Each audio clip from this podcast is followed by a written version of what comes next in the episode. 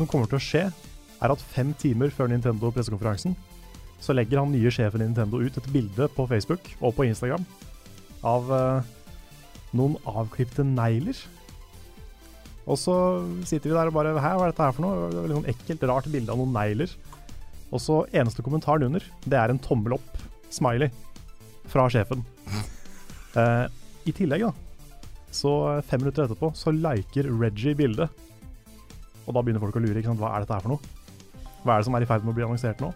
Og så er det en fan som tar bildet gjennom Photoshop, ser en skjult Metroid-figur i bakgrunnen. Og da begynner folk å spekulere. Er dette et nytt Metroid-spill? Hva betyr neglene? Er det liksom nail? Er det noe i Metroid-universet som har nail? Så begynner de å oversette hva er, hva er nail på japansk. Fram og tilbake. Prøver å finne fram til noe. Så viser det seg at det var egentlig bare et bilde av negler. Velkommen til Level Backup, podkasten til meg, Karl Martin Oksnes, Rune Fjell Olsen og Lars Håkon Stormbakken. I dag blir det litt etereprat, mest sannsynlig. Det gjør det. Jeg ble så fascinert av den eh, historien din. Ja, jeg jeg var så- Det her kan du ikke bare gjøre det. Tenk om. Tenk om. Ja. Vet aldri med edre. Det er det som er så spennende. Ja, det er jo etere, og jeg kjenner at det begynner å boble litt i kroppen nå. Det starter jo på søndag. Eh, klokka ti norsk tid går den første pressekonferansen eh, av stabelen. Klokka ti på kvelden, ja. Ja, på kvelden. Mm. Eh, og så er det jo da et råkjør i et par døgn med pressekonferanser. Og så er det jo masse ting som skjer på gulvet. Jeg, jeg, har jo vært sånn, jeg har vært mange ganger på etere, og det har alltid vært sånn at jeg gleder meg til å dra, og så syns jeg det er ganske pyton å være der. Eh, og så går det noen dager, og så gleder jeg meg til neste gang. Sånn er det hvert år. Ja. Det blir litt vemodig å ikke være der i år, altså. Det gjør det. Ja, jeg er litt sånn todelt på det, for jeg, jeg syns jo det, noe av det beste med etere, det er å spise amerikansk mat. Sånn eh, feite pannekaker og burgere og bare digg mat. Men uh, ja, det, det er litt, litt kjipt å ikke være der fysisk. Men samtidig så syns jeg det er greit å ha et pauseår. Kanskje vi får dratt i hvert fall noen av oss neste år. Det er ikke sikkert det blir etter så mange år til. vet du. Nå har liksom mange av de store publisherne begynt å trekke seg ut derfra. Ja, det er sant. Det er sant. Og etere trenger jo de store publisherne.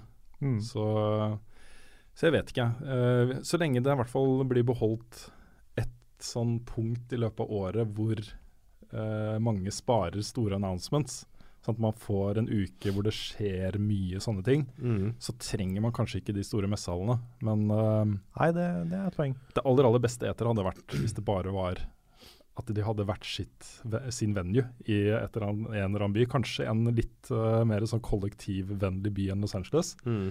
Uh, hvor det går an å ganske lett komme seg fra sted til sted, Mm. istedenfor at det er liksom én stor hall. Men eh, ja, det Ja. blir spennende. Det blir mye nyheter eh, neste uke, antar jeg. Det gjør det nok. Men ja, nei, vi, vi kan jo si litt om eh, planene våre for E3, kanskje. Ja, det kan vi gjøre. Det er jo uh, klokka ni på kvelden, norsk tid, så setter vi i gang med vår Level Up-stream på Hitbox TV mm. slash Level Up Norge. Der vi skal ha pre-shows, og vi skal ha uh, show mens det er pressekonferanser. Skal prøve å være litt sånn low-key da, så ikke vi forstyrrer selve showet. Eh, og så kjører vi da en sånn uh, lang etterpåprat, hvor vi diskuterer det som har blitt vist fram, og hva vi gleder oss til, hva som var gøy, hva som var kleint, og så videre. Ja, og foreløpig er det confirmed da, at vi tre skal være der. Uh, Nick kommer. Mm. Uh, Frida kommer. Ja, jeg har ikke fått bekrefta fra Svendsen ennå om han kommer, men jeg håper at han gjør det. Ja, det har vært veldig kult. Mm. Så, så får vi se da hvor mange av oss som holder ut til de pressekonferansene som går klokka tre på morgenen. Ja, gud bedre. altså, jeg skal være der i hvert fall. Ja, altså når vi var liksom i USA, så er man jo på den tida, og da, da er det jo greit. Men når jeg tenker nå at liksom, ja, vi er ferdig sånn seks om morgenen etter at vi har hatt liksom Mm. så er Etter Sonja, som kanskje er ferdig klokka fem, Mm. og så skal vi snakke en time etter det. Ja, Så står ungene mine opp. Da rekker jeg akkurat hjem til ungene står opp. Ja. Så gi de frokost. Sykt bra. Altså, da kommer jeg til å være helt zombie. Altså, jeg er ikke, jeg er ikke i det moduset her lenger. Jeg klarer ikke å være oppe så lenge. Og så blir det jo kjempegøy å sitte der, ikke sant. Så sitter vi da og kjemper for å holde oss våkne og Mhm. sånne ting. Og så har vi tre stykken som ser på. Kanskje to, og så blir det to. Og så til slutt så er det bare én, ikke sant. Men da må vi tenke på alle de som skal se på det på YouTube etterpå. Ja, for det, det er det som er litt av poenget. Eh, opptaket av den type streams kan jo gå ganske bra, da. Mm. Si du, du velger å liksom sove den natta isteden, Mm. og så bare det første du gjør når du ruller ut av senga, er å sette på opptak fra Ja. stream. Ja, for jeg tror ikke vi har veldig mange serier klokka fem om natta på mandag. Jeg er, håper at en av oss sovner på cam. Ja. Det hadde vært så gøy. Mm. Men jeg får jo, jeg vet ikke hvor mye hun skal være med, men kjæresten min kom innom Ja. uh, for å være med på litt av opplegget. Og hun har jo en tendens til å sovne i løpet av kvelden natta. Ja. Så det kan hende hun sovner på stream. Og så snakker du i søvne, så da må vi bare ha mikrofonen Ja, ja, ja. klar. Å, det er, Altså det jeg, er har, jeg har, sånn type halvtime med opptak jeg, fra ting du har sagt i søvne, så det er kjempegøy. Ja, nei, men vi, vi har et ganske sånn low-key fokus da på uh, livedekninga vår. Uh, det kommer til å bli koselig, Mm. som så mye annet av det, de tingene vi gjør. Ja. Tenk godis, brus, Ja. kanskje noen ballonger. Kanskje noen ballonger. Ja. Vi skal egentlig bare se på etere sammen med gode venner, og uh, dele uh, opplevelsen vår med andre gode venner. Mm. Ja. Kan si Det mest journalistiske i det blir jo kanskje det etter showet, hvor vi prater om hva som har skjedd. Og, Når, du sa, når du sa ballonger, så tenkte jeg at jeg har fortsatt de der kondomene vi kjøpte fra etere Ja, første gangen, så kan du blåse opp de. ja. de, de har ikke jeg brukt, for å si det sånn. er det, hva er det det står på de igjen? Er det sånn play, play safe? Ja, Play Safe eller et eller Ja. annet sånt noe. Mm. Uh, ja. Ja, det hadde ikke vært uh, helt feil. Nei, du mener det? Nei, Nei. ok, greit. Ja. Kanskje det kunne vært en giveaway? To år gamle heterkondomer. det er sånn, ja Bare 97% effektive. Det høres ut som vi får veldig lite action, Lars. Men Ja, nei, det er samleobjekt. ikke det det har Det ikke er brukt- ikke brukt. Ja. ja, det er et samleobjekt. Vi bruker jo ikke de nei, opp. Mm. kan ikke gjøre det. Mm. Men uh, det er jo uh, Nå er vi på en måte litt over i nyhetsgreiene, men vi kan jo ta litt etersnakk i starten, kanskje. Ja. Um, det er jo en del ting som uh, begynner å lekke, og mer eller mindre bevisst. da. Eh, mange velger jo de også uka før etere til å slippe store nyheter, sånn at de ikke drukner i etermengden. Mm. Mm. Eh, og det har kommet en del store announcements der. Uh, Watchdogs 2 ble avduka, det kan, kan vi snakke mer om seinere. Mm. Uh, det ble sagt at eh, datoen for, eh, for Horizon Zero Dawn er utsatt til to 2017. Sluppet en ny trailer. Ja. Sluppet en ny trailer fra Kingdom Hearts 2,8. Uh, Lee er utsatt. Det er masse sånne greier. Mm. Mm. Jeg ser også at Funcom de sitter nå og jobber med en eh, trailer fra Conan Exiles som skal slippes i dag mens vi sitter her. Ja. Ja, stemmer. Jeg så også Ragnar Tørnquist jobbe med en trailer til siste bok av Drømmefall-kapitler. Det er sikkert også sånn etere-greier, liksom. Ja, kanskje. Jeg vet ikke om det skal vises på E3, men det er i hvert fall Nei, eh, det blir sluppet sannsynligvis da i forbindelse med etere, ikke sant. Ja, sikkert. Det er uh... Åh, jeg kjenner det krib kribler. Det kommer til å komme så mye kule nyheter. Mm. Men uh, Red Dead uh, 3 blir vel det, da. Eller Red Dead Redemption 2, eller hva man skal kalle det. Mm. Det er jo kanskje det hotteste ryktet i forkant. Men det, det, det har nok mye med at det er det folk har lyst til å se. Mm. Ja, fordi den forgjengeren til det spillet, det har ikke jeg prøvd. Og det visste ikke jeg at det eksisterte engang, før jeg fikk vite det nå eh, forrige dagen. Ja, da jeg sa det. Ja. Ja. Så det var sånn uh, altså, Bare poen- poenget med det spillet, Red Dead Revolver, det ble utvikla av Capcom, hvis jeg ikke husker rett feil. Ok. Um, og det ble ikke noe kjempesvært, men, ja. men det var jo en veldig kul take på western-sjangeren, egentlig. Mm. Uh, men da litt mer i sånn action uh, Ikke så seriøst, liksom. Nei. Det var mye dueller. Det var veldig fokusert på dueller i gatene Ja. foran saloonen, liksom.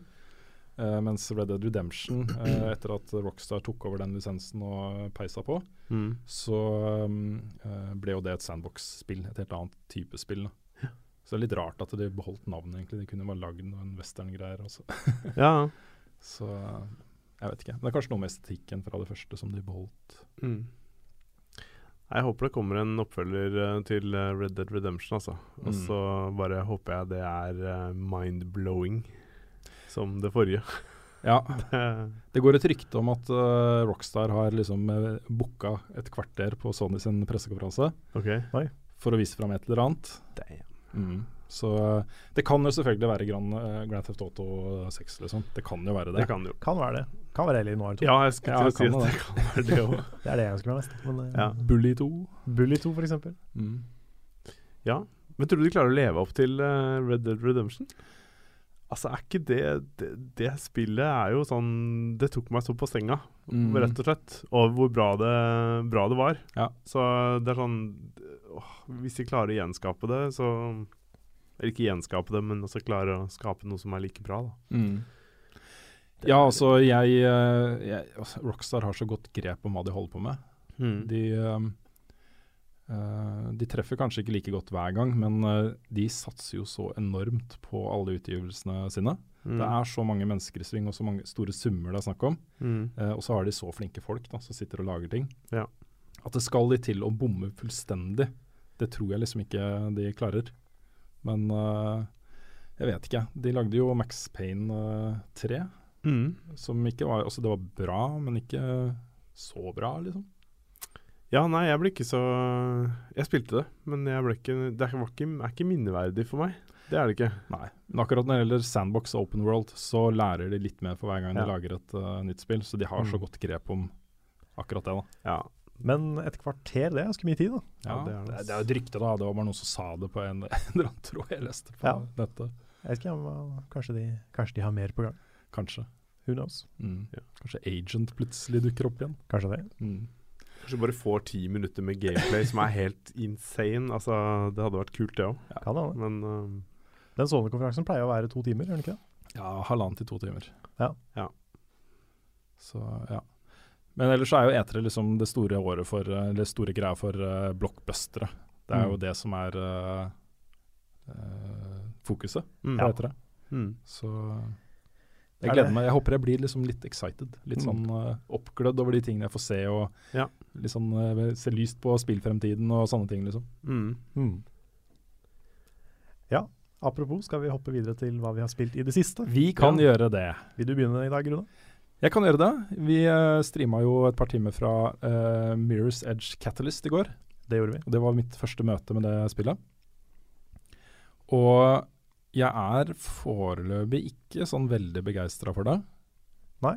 Uh, og jeg vet ikke helt hvorfor, egentlig. Um, det er jo et uh, mer sandbox-spill enn det det første var. Du uh, kan velge mye valgfrie sideoppdrag, og du er på en måte ute i denne eh, hvite, eh, kliniske byen på hustakene og kan eh, bare fly rundt og velge sideoppdrag eller hovedoppdrag og sånne ting. Det var et eller annet med det som gjorde at jeg ikke helt fikk den der feelingen som jeg fikk fra det første spillet. Men uh, som jeg sa også på streamen, så uh, Den gleden du henter ut av uh, det konseptet, er veldig mye basert på hvor flink du er. For hvis du er skikkelig flink, og du kan alle mulighetene, alle, har låst opp alle bevegelsene og sånne ting, liksom, og egenskapene, så flyter du mye bedre, og du føler deg mye kulere, og ting faller mer på plass, da. Så jeg har ikke kommet dit ennå. Var det karakterprogresjon? Måtte du låse opp Ja, du, Ting? kan, du har perks på, uh, på Faith som du må uh, kjøpe da, for sånne poeng. Men nå var ganske Oi. mye av det låst opp fra starten av. Så det er ikke voldsomt store ting. Men f.eks. jeg kjøpte jo en par ting. Det ene var at hun kunne, etter å hoppe eh, høyt, og så Mm. landa tungt, da, så Mm. kunne hun rulle og få høy fart med en gang. riktig? Um, og en annen var at hun kunne snu seg 180 grader når hun løp opp en vegg. Og så hoppe. Så det er en del sånne ting da, som låses opp etter hvert. Føler du noen av de liksom begrensa hvordan ting var? Nei, jeg vet ikke. Altså, det er jo veldig basert på det første spillet. Um, du har uh, de, Alle de oppdragene jeg spilte, hadde jo liksom en start og en slutt, og det var en løype du skulle komme deg gjennom med Mm. ulike hindre, og noen ganger så sto det fiender her som du skulle Mm. Så, så det, jeg, jeg føler vel at det er veldig i tråd med det første spillet. Ja, jeg bare tenker at det, så det ikke er sånn at du føler at det, det begrenser deg i movementen. Nei, jeg vet ikke. Jeg, jeg tror ikke det også. Jeg, fordi uh, det er nok eh, Er det noen som ikke har satt eh, telefonen på Jo, den er lydløs, men nå Det er noen som skulle ringe. Ja. Populær. Populær mann? Nei, eh, foreløpig så føltes det ikke sånn. Nei. Jeg tror, eh, jeg tror de har lagt det opp sånn at, eh, at de litt mer avanserte bevegelsesgreiene um, gir deg kanskje tilgang til noen litt kulere snarveier og sånne ting. Mm. Men at du Mm. allikevel du skal kunne komme deg fra A til B uten å bruke de. Ja. Tror jeg, i hvert fall Du så, starten. du så jo litt frustrert ut der du satt noen ganger. Ja, da, jeg, jeg sleit litt med timinga. Og det er også den der å sitte og snakke samtidig som jeg spiller, er litt vanskelig for meg, rett og slett. Ja. Jeg er en gammel mann. Det var jo, det var jo kjempegøy når, eh, når du bare fikk spørsmålet og bare var helt borte. ja, jeg fikk ikke med meg hva spørsmålet var i det hele tatt. Nei. Det var en gang du svarte nøyaktig det samme som jeg svarte på et spørsmål rett etter meg. Da. Ja, for det er liksom sånn der Ja, Rune, har jeg et spørsmål til deg? Ja. altså, det er spørsmål fra Ja, jeg fikk ikke med meg noen ting. Men det er, uh, dette blir sånn foreløpig midlertidig forhånds... uh, slags uh, foreløpig anmeldelse, da. Det er jo Ja. ikke noe jeg må få spilt det mer. Men det var én tanke som slo meg i dag tidlig. Jeg satt og tenkte på opplevelsen jeg hadde hatt, og hvorfor jeg ikke var så fornøyd med den. Og så så jeg plutselig for meg Mirror's Edge med mer sånn realistisk grafikk.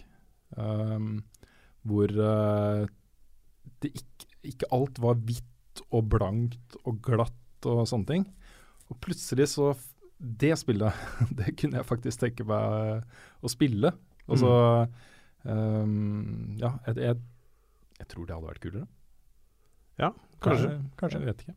Da jeg bare fikk noen sånne bilder i hodet som, som jeg ble veldig sånn frista av. Da. Mm. Mm. Mm. Ja. Ja, du har på en måte ikke noen grunn til å bry deg om den verden som er i spillet. Nei, den er liksom Jeg vet ikke, den er litt klinisk, altså. Mm. Ja. Uh, og det var jo en veldig veldig kul ting i det første spillet. For da skilte det seg veldig ut fra alt annet, og det fikk en veldig veldig unik fil. Det var en veldig eh, annerledes type opplevelse, også fordi du brukte parkour eh, Ja. på en helt annen måte enn det noen Mm. andre spill hadde gjort. Så hele pakka da føltes veldig unik.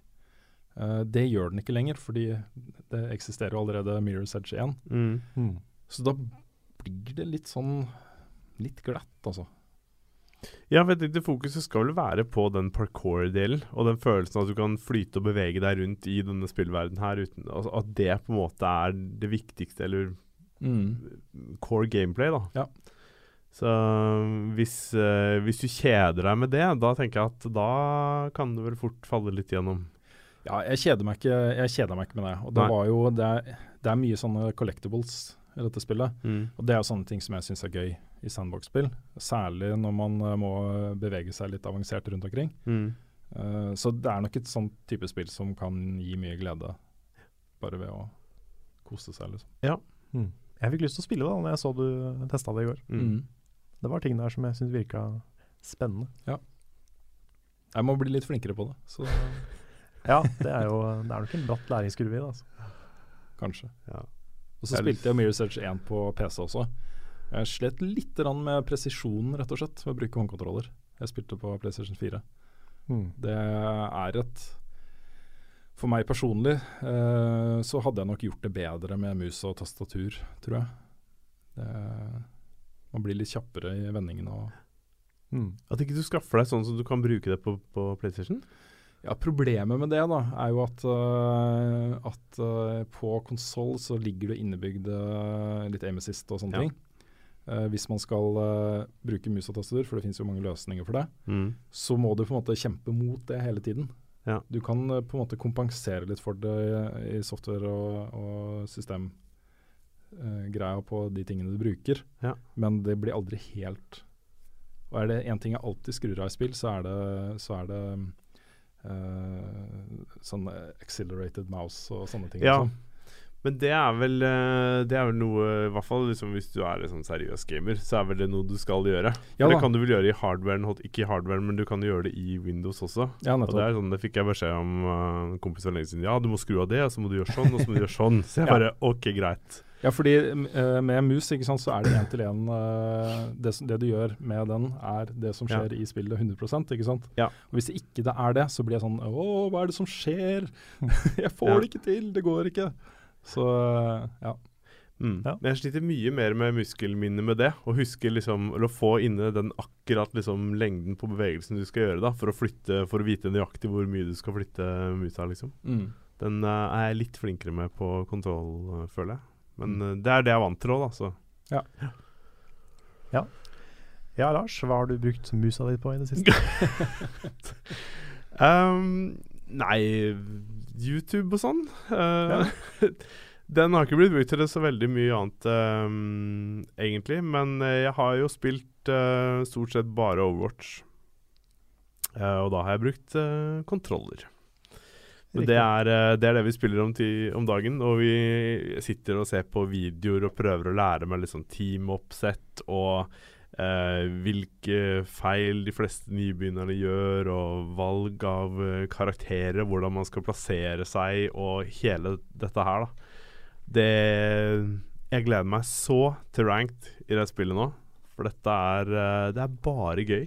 Og når du spiller sammen med fem andre, og alle liksom har en viss grad av seriøsitet, vi prøver å sette sammen lag og sånn, da koser jeg meg glugg i hjel, altså. Mm.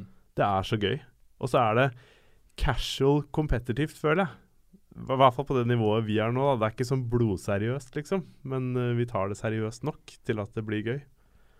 Og det, det er noe jeg har savna. Mm. Å føle at jeg faktisk kan bidra med noe på en god måte i sånne typer spill. Mm. Så Ja, nei, det blir veldig spennende å følge mm. eh, det spillet framover. Mm.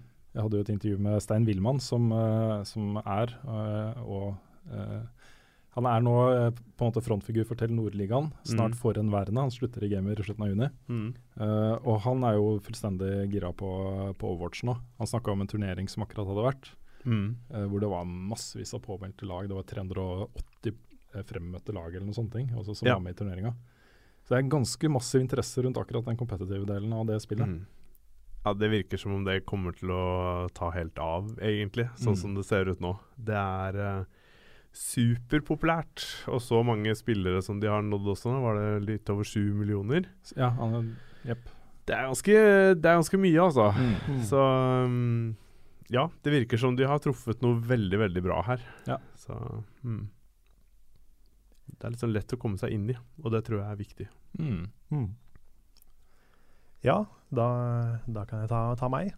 Jeg fikk jo et spill, eh, litt sånn eh, ut av ingenting, eh, i innboksen min som review-kode her forrige uke, vel? Ja, forrige uke. Slutten av forrige uke. Mm. Uh, og det het uh, Sherlock Holmes The Devil's Daughter. Og jeg hadde jo ikke, nesten ikke hørt om en Sherlock Holmes-spillserie før. Aldri hørt om selskapet som lager det. De er visst ukrainske eller noe sånt. Ja, det tror jeg stemmer. Eller i hvert fall ja, noe sånt. Og jeg hadde jo bare null forventninger. Satte meg ned og begynte å spille det, og det var ganske kult. Det var jo veldig høy produksjonsverdi på det. Det så utrolig kult ut. Det var uh, veldig pent, veldig sånn interessant. Bra manus, bra regi og i det hele tatt. Det er, det er ting i det gameplayet som jeg er litt sånn lunken på. Noen, er, noen ting er litt sånn eh, merkelig vanskelig. Sånn som når du skal balansere to kontrollstikker samtidig. Mens de gjør andre ting på skjermen. Mm.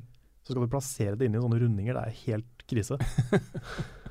Men uh, utenom det, da, litt sånne rare minispill underveis, så er det et veldig bra spill. Altså.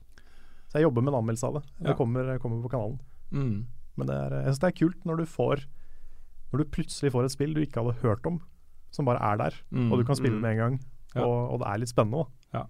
For uh, jeg var litt innpå i, en, eh, i et LA Noir-innslag som jeg lagde tidligere, for en måned siden, eller noe sånt.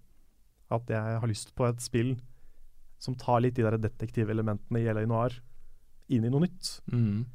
Og det fins deler av det jeg ønsker meg i det spillet her. Ja. Så nei, jeg koser meg med det. Kult. Det er delt opp i sånne enkeltsaker, da. Så jeg er Mm. ferdig med et par av de. Du sendte meg en melding også sånn i helgen. Bare 'Hvorfor har jeg aldri hørt om den serien her?' Og er det fins jo åtte spill av det, og Ja, ja. hvem er disse folka her? Og hva, i all verden er dette her? Ja, men jeg, når jeg sitter og spiller det, så lurer jeg på liksom hvorfor Hvorfor blir ikke dette her presentert på E3 foran en jublende mengde folk, liksom? Mm. Det er ikke noen grunn til at ikke det skal gjøre det. Nei, altså det har jo, Den har jo gått ganske under radaren. Det har kommet en del spill. Jeg har fått med at, altså jeg kjenner ikke serien godt, jeg har fått med at noen av disse spillene har blitt ganske godt tatt imot. eh, og at den har en ganske dedikert, men relativt liten fanskare. da. Ja, fordi jeg tenker jo sånn Det er mulig vi har fått noen spørsmål om den serien i podkasten et par ganger. Det kan hende. Men utenom det, da, så kjenner jeg jo nesten bare gamere. Folk som er ganske dedikerte til å følge spill. Leser veldig mye gaming-nyhetssider og sånne ting. Eh, følger mange på YouTube. Ingen snakker om Sherlock Holmes. Overhodet, liksom. Nei. Så det er, det er rart, altså. Mm. Ja, En det er så rart. bra og så, et så stort spill at ikke det får noe oppmerksomhet. Mm. Men det skal du gi deg. Det skal jeg gjøre noe med. Det er mitt, eh, mitt mission. Kult. Så det kommer. Ja. Ja. Eh, ellers så har jeg jo runda Uncharted 4, Oi, oi, oi, oi, oi. så nå er jeg offisielt ferdig med Uncharted. Det er eh, ganske tøft at du har klart å kverne deg gjennom den serien på Ja, det tar jo ikke så lang tid å spille de, da. Nei, for så vidt. De er ikke så lange, egentlig. Det er eh, Du får gjort, eh, gjort mye i et spill på en helg, f.eks. Mm. Dette er ting du har sittet på kvelden og kost deg med sammen med kjæresten, ikke sant? Ja, Mm. Det er det. Så eh, Nei, jeg, jeg syns Uncharted 4 var veldig mye bedre enn de andre. Mm. Jeg syns det var et kjempehopp Mm. fra toeren og treeren. Så jeg hadde jo noen problemer med Uncharted 2 og 3. Uh, aller mest det at det er så veldig regissert. eh, re- regissert. Mm. Og, eh, og det at liksom Jeg følte ikke jeg hadde noe kontroll da, på hvor høyt du kunne hoppe, hvor langt du kunne dette før du dør. Så jeg følte aldri når jeg døde at det var min skyld. Mm. Det var alltid liksom noe sånn bullshit fra spillet, Mm. og det irriterte meg Mm. veldig. Men i Uncharted 4 så har de fiksa det, da. Ja. For der er det liksom Der er det en Hva heter det? Konsistens. Konsistens er noe annet. Men uh, det er liksom Det føles litt mer gjennomført. Mm. Det føles som om her har spillet noen regler som du kan lære deg. Du kan bli god i det, og Ja. du kan liksom forstå hva du kan og ikke kan gjøre. Mm. Mm. Og det hjelper så mye. Det gjør det. Og det at stelten funker, er kjempebra. Ja. Så Ja, for det gjør den faktisk. Ja, den gjør det. Og det gjorde den jo ikke i de andre. Nei, nei, nei. Overhodet ikke. Så Nei, jeg syns jo historien er jo som alltid veldig bra, og sånn, men det at de faktisk har fiksa det gameplayet, Mm. gjort det ordentlig spennende, det gjorde veldig mye for meg. Ja. Så Nei, jeg digga det. Nice. Kult. Det hadde vært morsomt å tatt en uh, litt lengre sånn spoiler-prat om det også, men eh, Tenkte Vi kunne jo kanskje gjort det, da, sånn uh, før, før du tar, tar ferie, f.eks. mm. Tar vi en liten sånn spoilercast som vi kan gi ut, Ja, det sommer. går an. Det går an. f.eks. Det er eh, Vi kunne tatt liksom flere av de store spoilerne og samla de i en, uh, en spoilercast. Vi kan ha vi kan ha én Uncharted, én Undertale, én eh, Game of Thrones. Let's do it. Let's do it. Ja, vi får se. Kanskje det, er noe, kanskje det ligger noe der. Mm. Mm. Men det er eh, stort sett meg. Vi skal ta noen nyhetssaker, og i forrige uke så snakka vi litt om hvordan vi skulle gjøre dette her eh, kontra det ukentlige nyhetsmagasinet Level Update. Uh, og min frykt er jo at eh, vi sitter liksom og snakker om alle de samme tingene som jeg tok opp i, eller som jeg kommer til å ta opp i. Og sånn blir det nok litt rann også. Uh, men det er flere som har kommentert, bl.a. på Patron, at, uh, at eh, det som er greia her i podkasten, er at her kan vi jo snakke litt rundt det. ikke sant? Ja, vi kan diskutere litt hva vi mener om saken. Ja. Mm. Mm. Så jeg skal, jeg skal ikke stresse så mye med det. Nei, det er Eh, ikke sikkert det gjør noe. Nei, det er ikke sikkert det gjør noe, og i hvert fall ikke hvis det er sånn som det er akkurat nå, fordi uh, eh, Level Update kommer ut på tirsdag ettermiddag. Uh, og alle, alle de nyhetene som jeg har satt opp eh, for sendeplanen her, da, eh, har skjedd etter tirsdag, liksom. Det Ja. har kommet Ja. så mye nytt Ja. som har skjedd. Ja, for E3 er jo nesten i gang egentlig allerede. Ja. Det har jo kommet så mye leaks og greier. Ja, det har det. Ja. Vi kan jo begynne med kanskje den største nyheten, og det er jo avdukingen av Watchdogs 2. Ja. Hvor uh, vi satt her i studio uh, før sending og så gjennom trailerne. Mm. Det er en presentasjon av nye hovedrollen og en, eh, en eh, litt sånn Hva skal man si, en presentasjon av San Francisco, Ja. slik den ser ut i Watchdogs 2. mm. Og det vi vet om det, er jo at uh, det skal komme i november. At det er en ny hovedperson, uh, og da en ny by. Det er liksom de hovedtingene vi vet uh, fra, Mm. eh, fra spillet. Jeg har eh, gjort noen smånotater på andre ting også. Skal vi se Ah, Jeg litt urolig i magen i dag. Ja, det er uh, ikke så gode notater jeg hadde fra deg. Det er liksom bare eh, Watchdogs. Ja. Prom. Gul, grønn. Stor rød. Ja, jeg klarte i hvert fall ikke å tyde det. Uansett, da, så, så um, har vi jo sett de trailerne. Og det er, den første tingen jeg la merke til med de, er at de presenterer ikke dette spillet som de vanligvis gjør. Altså Det var en veldig ny måte å, uh, å tease et spill på. Mm. Hvor eh, det handla det, det så nesten ut som en sånn GoPro-video fra liksom en kompisgjeng som herjer rundt i San Francisco og bare Ja. tjoa Ja. liksom. Mm. Uh, veldig mye yo og hiphop og, Mm. uh, og sånne ting. Mm. Men jeg syns det var ganske forfriskende. Ikke at det, det traff meg sånn supergodt, men jeg syns det var gøy å se noen på en måte stilisere et spill på en helt ny måte. Mm. Ja, traileren er, eh, er absolutt uh, kult regissert og sånn, og jeg ble jo satt ut litt av den uh, San Francisco-traileren. Fordi når jeg begynte å se den, så tenkte jeg bare sånn OK, hvorfor har de IRL-footage? Og det, det tok meg liksom lang tid, og med lang tid så mener jeg sånn 10-15 sekunder. Det føler jeg er lang tid på å merke om dette er ekte grafikk eller ikke. Og da jeg skjønte at shit, dette her er jo Dette er grafikken, da måtte jeg liksom spole tilbake og se en gang til. Og da begynner du å legge merke til det. Men det var, eh, det var helt sinnssykt bra.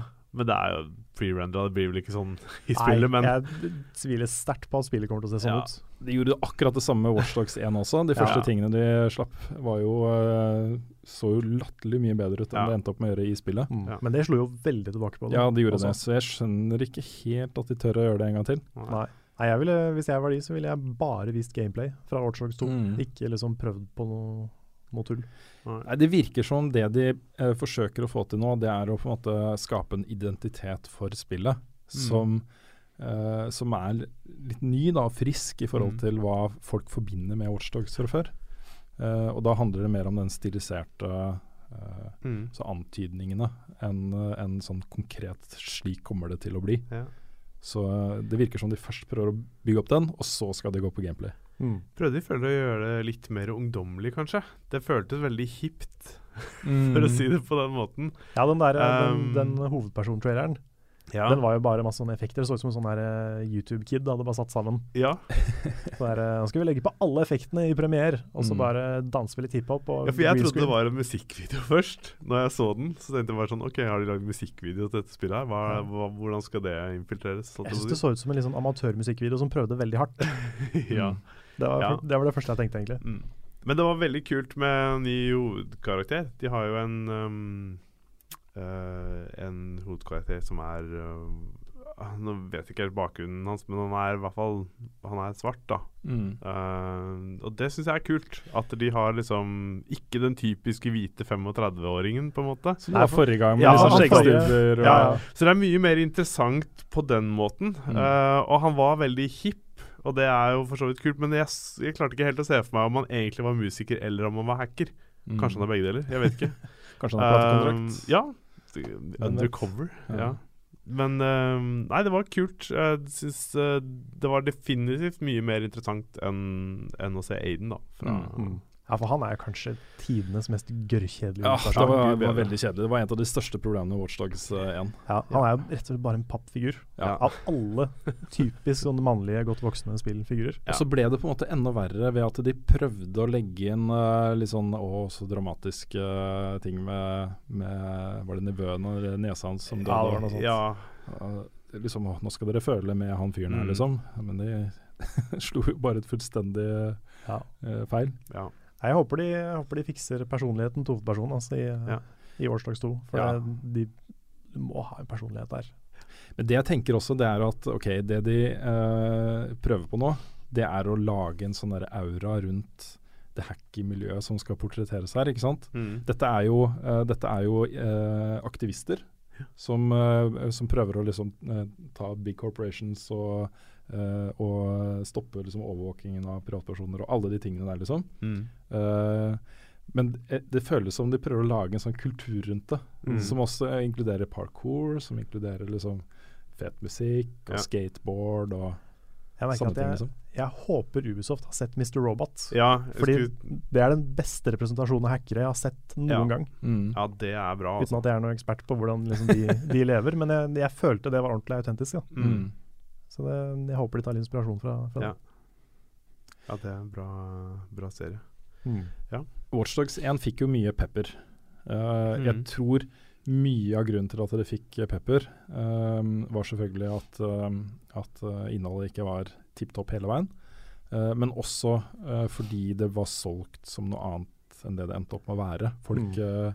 følte ikke at de fikk det spillet de hadde blitt presentert på forhånd og sånne ting. Eh, rent personlig altså, så likte jeg det egentlig ganske godt. Uh, det vil si jeg likte deler av det veldig godt. Mm. Jeg syns stealth-elementene var dritkule. Og det at du kunne liksom komme inn i et område med fiender, og så bruke stealth og hacking og deaktivere, deaktivere kameraer og eh, liksom avlede oppmerksomheten på, ved, ved å hacke. da. Mm. jeg syns det var kjempekult. Uh, og så likte jeg de åpen verden-tingene ganske godt. Ja. Så det jeg håper på i oppfølgeren, det er uh, en, et enda skarpere fokus på det. For jeg syns det var altfor mye skyting i Ja. det første spillet. Mm. Jeg vil bruke Helt mer sånne hackerting, liksom. Jeg ser jo han har jo en gunner, så det blir helt sikkert litt skyting i det spillet her også. Jeg skulle Ja. ønske de bare ikke ga han en gun. Ikke sant? I det hele tatt. I det hele tatt. Bare stealth og hacking og sånt hadde vært så kult, altså. Mm. Ja, for det er jo en veldig veldig kort trailer også, hvor du bare ser han står og trykker på telefonen. Mm. Um, og så eh, I den traileren med den byen så snakker de om hvordan uh, smarthus blir solgt, eller et eller annet sånt noe. Så det Mm. virker som om det på en måte er den store greia. Så det, det kan jo være en del ting i den byen her som, som man kan bruke telefonen sin og hacke seg inn på. Så eh, det er bare å håpe at det blir mer av det. Mm. Ja, og så- ja, så så, så, så du også sånn parkour-elementer. Ja. Og det, det håper jeg blir sentralt. Det at du, For å liksom komme deg til stedet hvor du skal hacke, og sånn, så må du liksom være ganske akrobatisk. og Mirror's Edge i, Ikke sant? Uh, i Watch Dogs 2. Det har noen fellestrekk der, altså. Jeg er, jeg er spent på om de kommer til å straight up si at det foregår i samme univers som Assassin's Creed. For det har jo vært hint om det Ja, ganske lenge. nettopp. Ja. Så jeg vet ikke. Kanskje de, kanskje de gjør det. Kanskje. Don't know. Hmm. Hmm. Uh, ja. Men jeg gleder meg. Jeg Ja. tror det blir kult. Ja, jeg er spent på å se mer av det. Ja, bare vi slipper å få liksom 50 trailere til før det kommer. Ja, det får vi. så, Det blir så mange dumme ting med det Watchdogs 1. Altså. ja, Det er helt krise. Og så så stort potensial. Og så er det jo sant, et av få spill som tar for seg veldig, veldig relevant uh, samfunnskritikk mm. og samfunnsbeskrivelse, og på en måte prøve å sette fingeren på veldig viktige temaer for alle vi som lever i dag. da. Som handler om overvåking, og som handler om personvern og Mm. uh, sikkerhet og, og sånne ting. Ja. Så, Jeg er litt redd for at Ubisoft noen ganger bare fokustester i hjel spillene sine. ja, kanskje det. At de prøver å appellere til så mange at budskapet og liksom visjonen forsvinner. da. Mm. Og er også det med at eh, alle trailerne for Jeg ble jo drittlei av Watchdogs før det kom ut. Ja. Mm. Jeg er redd for at det kan skje med Watchdogs 2. Altså. Ja, jeg håper de holder litt tilbake. Jeg gjorde Håper et intervju jeg, med han som var creative director for Watchdogs 1 eh, i forbindelse med lanseringen. uh, og han sa jo det rett ut. At uh, ok, det, det, akkurat den biten hadde han ikke noe kontroll med. Det var det andre i Ubisoft som bestemte, men han var helt enig. Det ble altfor mye. Mm. Ja. Så det var nok ganske ødeleggende, tror jeg. Ja. Det er bra at de er bevisst på det. Mm. I hvert fall han er bevisst på det. Så, men det skjer spennende ting i Ubisoft. De sier jo de skal annonse en helt ny IP også. På, en Ja, IP er da Intellectual Property Ja. på E3. En ny serie? En helt ny serie. Et nytt En ny konsept. canon. Ja. Jesus. Arpeggio. -hmm. Og så slapp det jo nylig også en trailer fra, fra Ghost Recon. Uh, Wildfire Jeg husker ikke hva den heter. Ja, det har jeg ikke sett. Ja, stemmer det. Det ble annonsert i fjor. Ble annonsert i fjor. Det føler jeg bare forsvant. Er det det Open World med fire personer-tingen? Ja. Mm. Det ser jo dritkult ut. Ja, den siste traileren var helt insane bra. Så, oh. så det er ting på gang der. Um, kan ta et par andre nyheter også. Uh, det går jo nå uh, ganske kraftige rykter som, uh, som ser ganske troverdige ut, om at det kommer en slags remake av Skyrim. Elder Scrolls Ja, eh, 4. En eh, PS4, Xbox One kanskje lansering, da. Ja, oppussa versjon. Det er eh, delte meninger om det på nettet, ser jeg. Noen mener jo at det allerede har kommet i form av modder som gjør eh, teksturer og sånt mye mye penere. Ja. og sånne Ja, ting. ja, på PC så er jo ikke Mm. det nødvendig i det hele tatt. Nei. Der har eh, fansen laga det allerede. Mm. Men jeg vet ikke. Det er, jeg vet ikke om det er et publikum som gjerne vil spille Skyrim på PS4 og Xbox One. Jeg vet ikke. Det er jo et spill som er eh, Altså utrolig spennende og interessant, syns jeg, da. Men eh, jeg føler ikke jeg trenger det på PS4 også. Men nå har jeg jo spilt det på 360, spilte jeg det vel på. Så det, det må jo være mer for de som eh, Det føles som de lager det for de som ikke har hatt forrige generasjon. Mm. Og som bare Hei, det finnes et dritbra spill her ute som vi fortsatt har lyst til at dere skal oppleve, liksom. Jeg føler det er mer for de, da. Mm. Jeg vet Ja. ikke. Ja, for meg så var Skyrim et sånt spill som jeg spilte religiøst i 120 timer, Ja. og så aldri igjen. Nei. Så bare la jeg det fra meg, bare orka ikke mer. Ja. Det kommer et sånn metningspunkt der hvor du bare Ja, nå er jeg ferdig. Ja. Mm. Men se for dere da eh, Betesta-pressekonferansen eh, natt til mandag, Mm. hvor de viser fram dette her, og bare folk er sånn i salen Ja, det ser kult ut og sånt. Og så bare sånn Men vi har en ting til. Ja. Og så liksom Elder som... Scrolls Scrolls 6. 6. Ja. ja, det Ja. håper jeg på. Altså. Ja, men det kommer. Tror du det? Jeg blir veldig overraska hvis ikke de annonser det på, på etere. Ja, kanskje. Hvis kanskje. ser Men de, på- de tar seg god tid med spill, da. De tar seg god tid, men de kan jo annonse det likevel. Ja. For poenget er jo nå at eh, hvis de nå bare kjører på liksom expansion packs til Fallout og ting man kjenner fra før, de har noe nytt på gang, liksom. Ja. Ja, de har jo en egen pressekonferanse. De har jo det. Ja, så det ryktet er jo bl.a. at det kommer et nytt Wolfenstein. Eh, og så er det jo mange da som håper at uh, de annonser uh, Elder Scrolls eh, 6. Det kan bli en ganske spennende pressekonferanse, altså. Kan det. Klokka fire på, på søndag. Um, en, en liten sak som jeg syns var veldig interessant.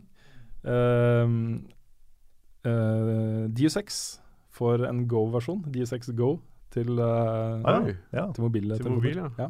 Kult. Og Lara Croft Go og Hitman Go er jo to av de beste mobilspillene jeg har spilt. De er Mm. fantastiske, så Mm. det var gode nyheter. Ja. Uh, og så har uh, Turn 10 Studios og Microsoft annonsa Forza Racing Championship. Bare en uke etter at uh, det ble annonsa Gran Turismo Sport. Mm. Så nå kommer disse to eh, simulasjons-bilspillseriene til å gå head to head da, på e-sportsatsinger, for det er det det er snakk om. Mm. Eh, med ligaer og turneringer og Mm. Fokuset er online, liksom. Og bare det. Kult. Ja, ja, bare det. Så det er ikke noe campaign eller noe Nei, hvis det er en campaign, så er det for å lære deg å kjøre bil. Eh, Ja. Men det, dette handler om konkurrering mot andre eh, faktiske personer. Så jeg s- s- gleder meg sånn. jeg tror det blir kjempegøy. Ja. mm. Ja, jeg tenker at det er liksom kult for de som skal spille da. De vil vel kanskje gjerne konkurrere mot andre, fremfor å kjøre mot uh, bare PC eller AI, da. Mm. Vet ikke hvor interessant det er. Da. Nei, men det er et skifte nå. Jeg, også, jeg føler at uh, e-sport er i ferd med å bli noe uh, som man har venta på lenge akkurat nå. Mm. Hvor du ser sånne spill som Rocket League uh, komme opp. Du ser suksessen til Street Fighter 5 eh, og 4. Mm. Og du ser en del andre typer spill kommer opp og blir ganske store, da. Som e-sporter og som tilskuersporter. Uh, du ser storsatsinger på ISBN i USA. Uh, du ser Activision starte liksom svære greier på e-sport. Mm. Uh, du ser eh, MTG kjøpe opp eh, masse greier i Europa og lager en 24-timers e-sportkanal og sånne ting. Det skjer ting nå som er kjempespennende. Og det å få inn da den type spill, Forza f.eks., som er så Mm. actionprega og kult å se på, eh, får inn sånne ting som eh, Overwatch, eh, Fifa, sånne ting liksom, det kommer til å bli så stort, altså. Mm. Det er veldig spennende akkurat det som skjer nå. Jeg merker også at jeg er spent på om Jeg er spent på hvor lett det er for en utvikler å lage et e-sportspill. Fordi ofte når et spill tar av i e-sport, så er det litt sånn happy accident. At eh, det viser seg at her er det et stort kompetitivt publikum Mm. som tar av eh, på egen hånd. Da. Ja. Så jeg vet ikke om det er mulig å liksom skreddersy det. Ja, du kan tilrettelegge for det. Du kan Det kan liksom du, det eh, kan du. sørge for å ha eh, bra tilskuerting og uh, greie regler for juksing. Ja. Sanne ting, liksom. Mm. God nettverkskode. Ja. Men det skal jo også litt til at det skal ta av. Mm. Ja, det, jeg vet ikke. Du må jo ha gode, flinke folk til å sitte og lage det også. Jeg føler liksom Blizzard har jo, eh, etter at de fant ut at uh, dette her går ikke an å lage Titan, det blir for stort og ambisiøst, var det vel, Uh, og at de da klarer å lage Overwatch som jeg føler at de må ha hatt et fokus på det competitive og ranked her. Mm.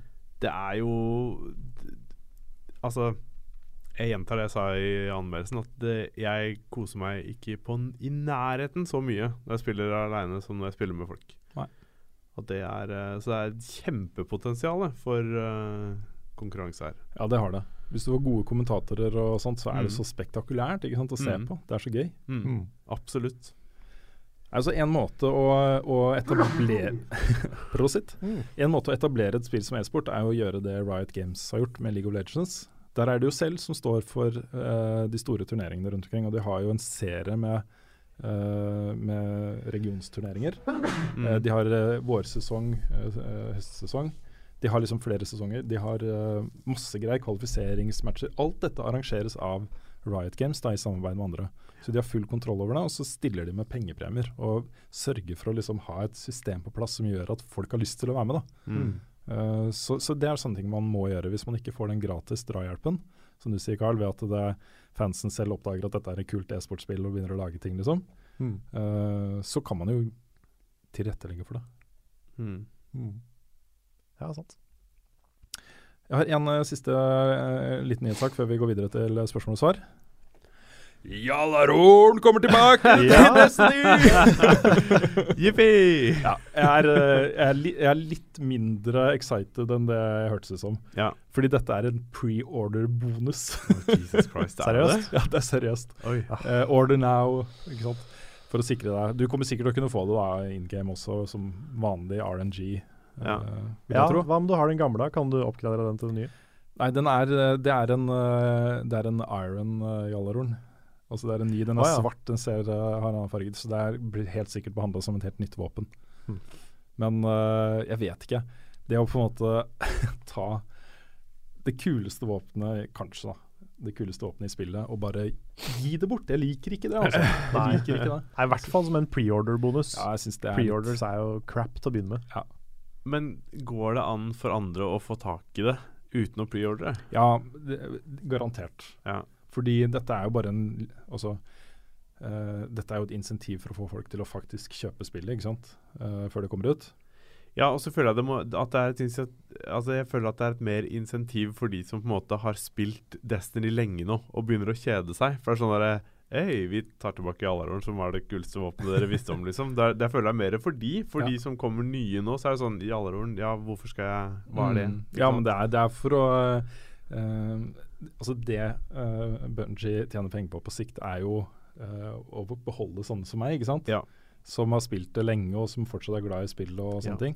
Bare gi de gode grunner til å fortsette å spille. Ikke sant? Mm. Det at den kommer opp med Jallarhorn og alle de følelsene det vekker i meg. Selvfølgelig kommer jeg til å preordre det spillet. Det er jo, sier jo seg selv, og det er mange andre som tenker sånn. Da. Mm. Men jeg vil jo tro at hvis, hvis det bare gis ut som en sånn bonus, så kommer det sikkert ikke til å være et like bra våpen. De har garantert nerfa det våpenet betraktelig, Mm. for det var jo altfor OP. Det var jo det beste våpenet. Ja ja, du, altså De gjorde jo mange av de vanskeligste strikene og sånt om til en vits, ikke sant. Hvis alle tre på fireteamet sto med hver sin jallarhorn, mm. så kunne de bare stå i et hjørne og pepre eh, Ja. rockets på Boston til den var nede, liksom. Mm. Ja, De ga det jo bort gratis og sur. Ikke gratis, da, men gratis og sur den uh, uka før de nerfa dere et eller annet sånt. Så Ja, jeg bare sånn dere, Nå har jeg en uke på meg for å ha det gøy! jeg bare venta på det hele tiden. Ja. Jesus.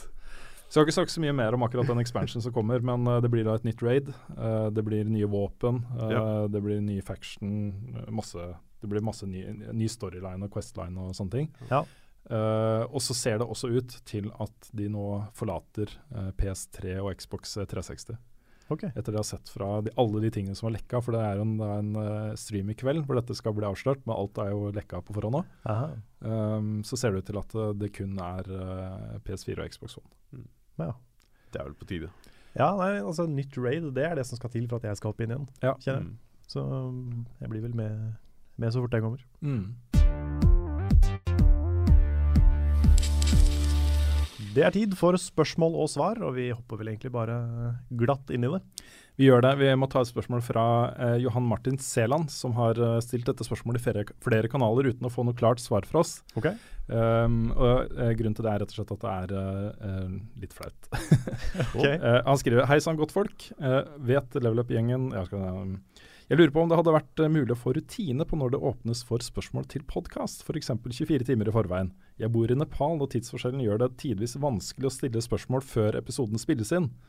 Mulig dette kun er et problem for meg, men tror uansett mange hadde likt en litt større tidsramme.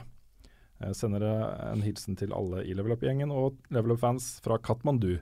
Hei. Og det er jo helt riktig, fordi um, rutiner og oss, det er liksom ikke er, Nei, vi er ikke så gode på rutiner. Nei, og det er jo som regel sånn at uh, våkner opp da på torsdag og bare sånn Å, shit, vi har jo podkast i dag, og så, ikke sant? Vi må ha spørsmål. Sånn er det hver uke. Ja. Ja. ja, så har vi ikke noe, vi har ikke noe fast person som gjør det. Det er litt sånn om, om hverandre. Ja. Sånn her, kan du gjøre det? Jeg gjør det nå. Så, Mm. så ja. Det er, det er litt sånn Det som alltid har vært problemet vårt, er at vi har litt mange ting å tenke på, og så forsvinner noen av de. Ja, det er helt sant. Følte det kom på naturlig at jeg, at jeg tok ansvaret der nå.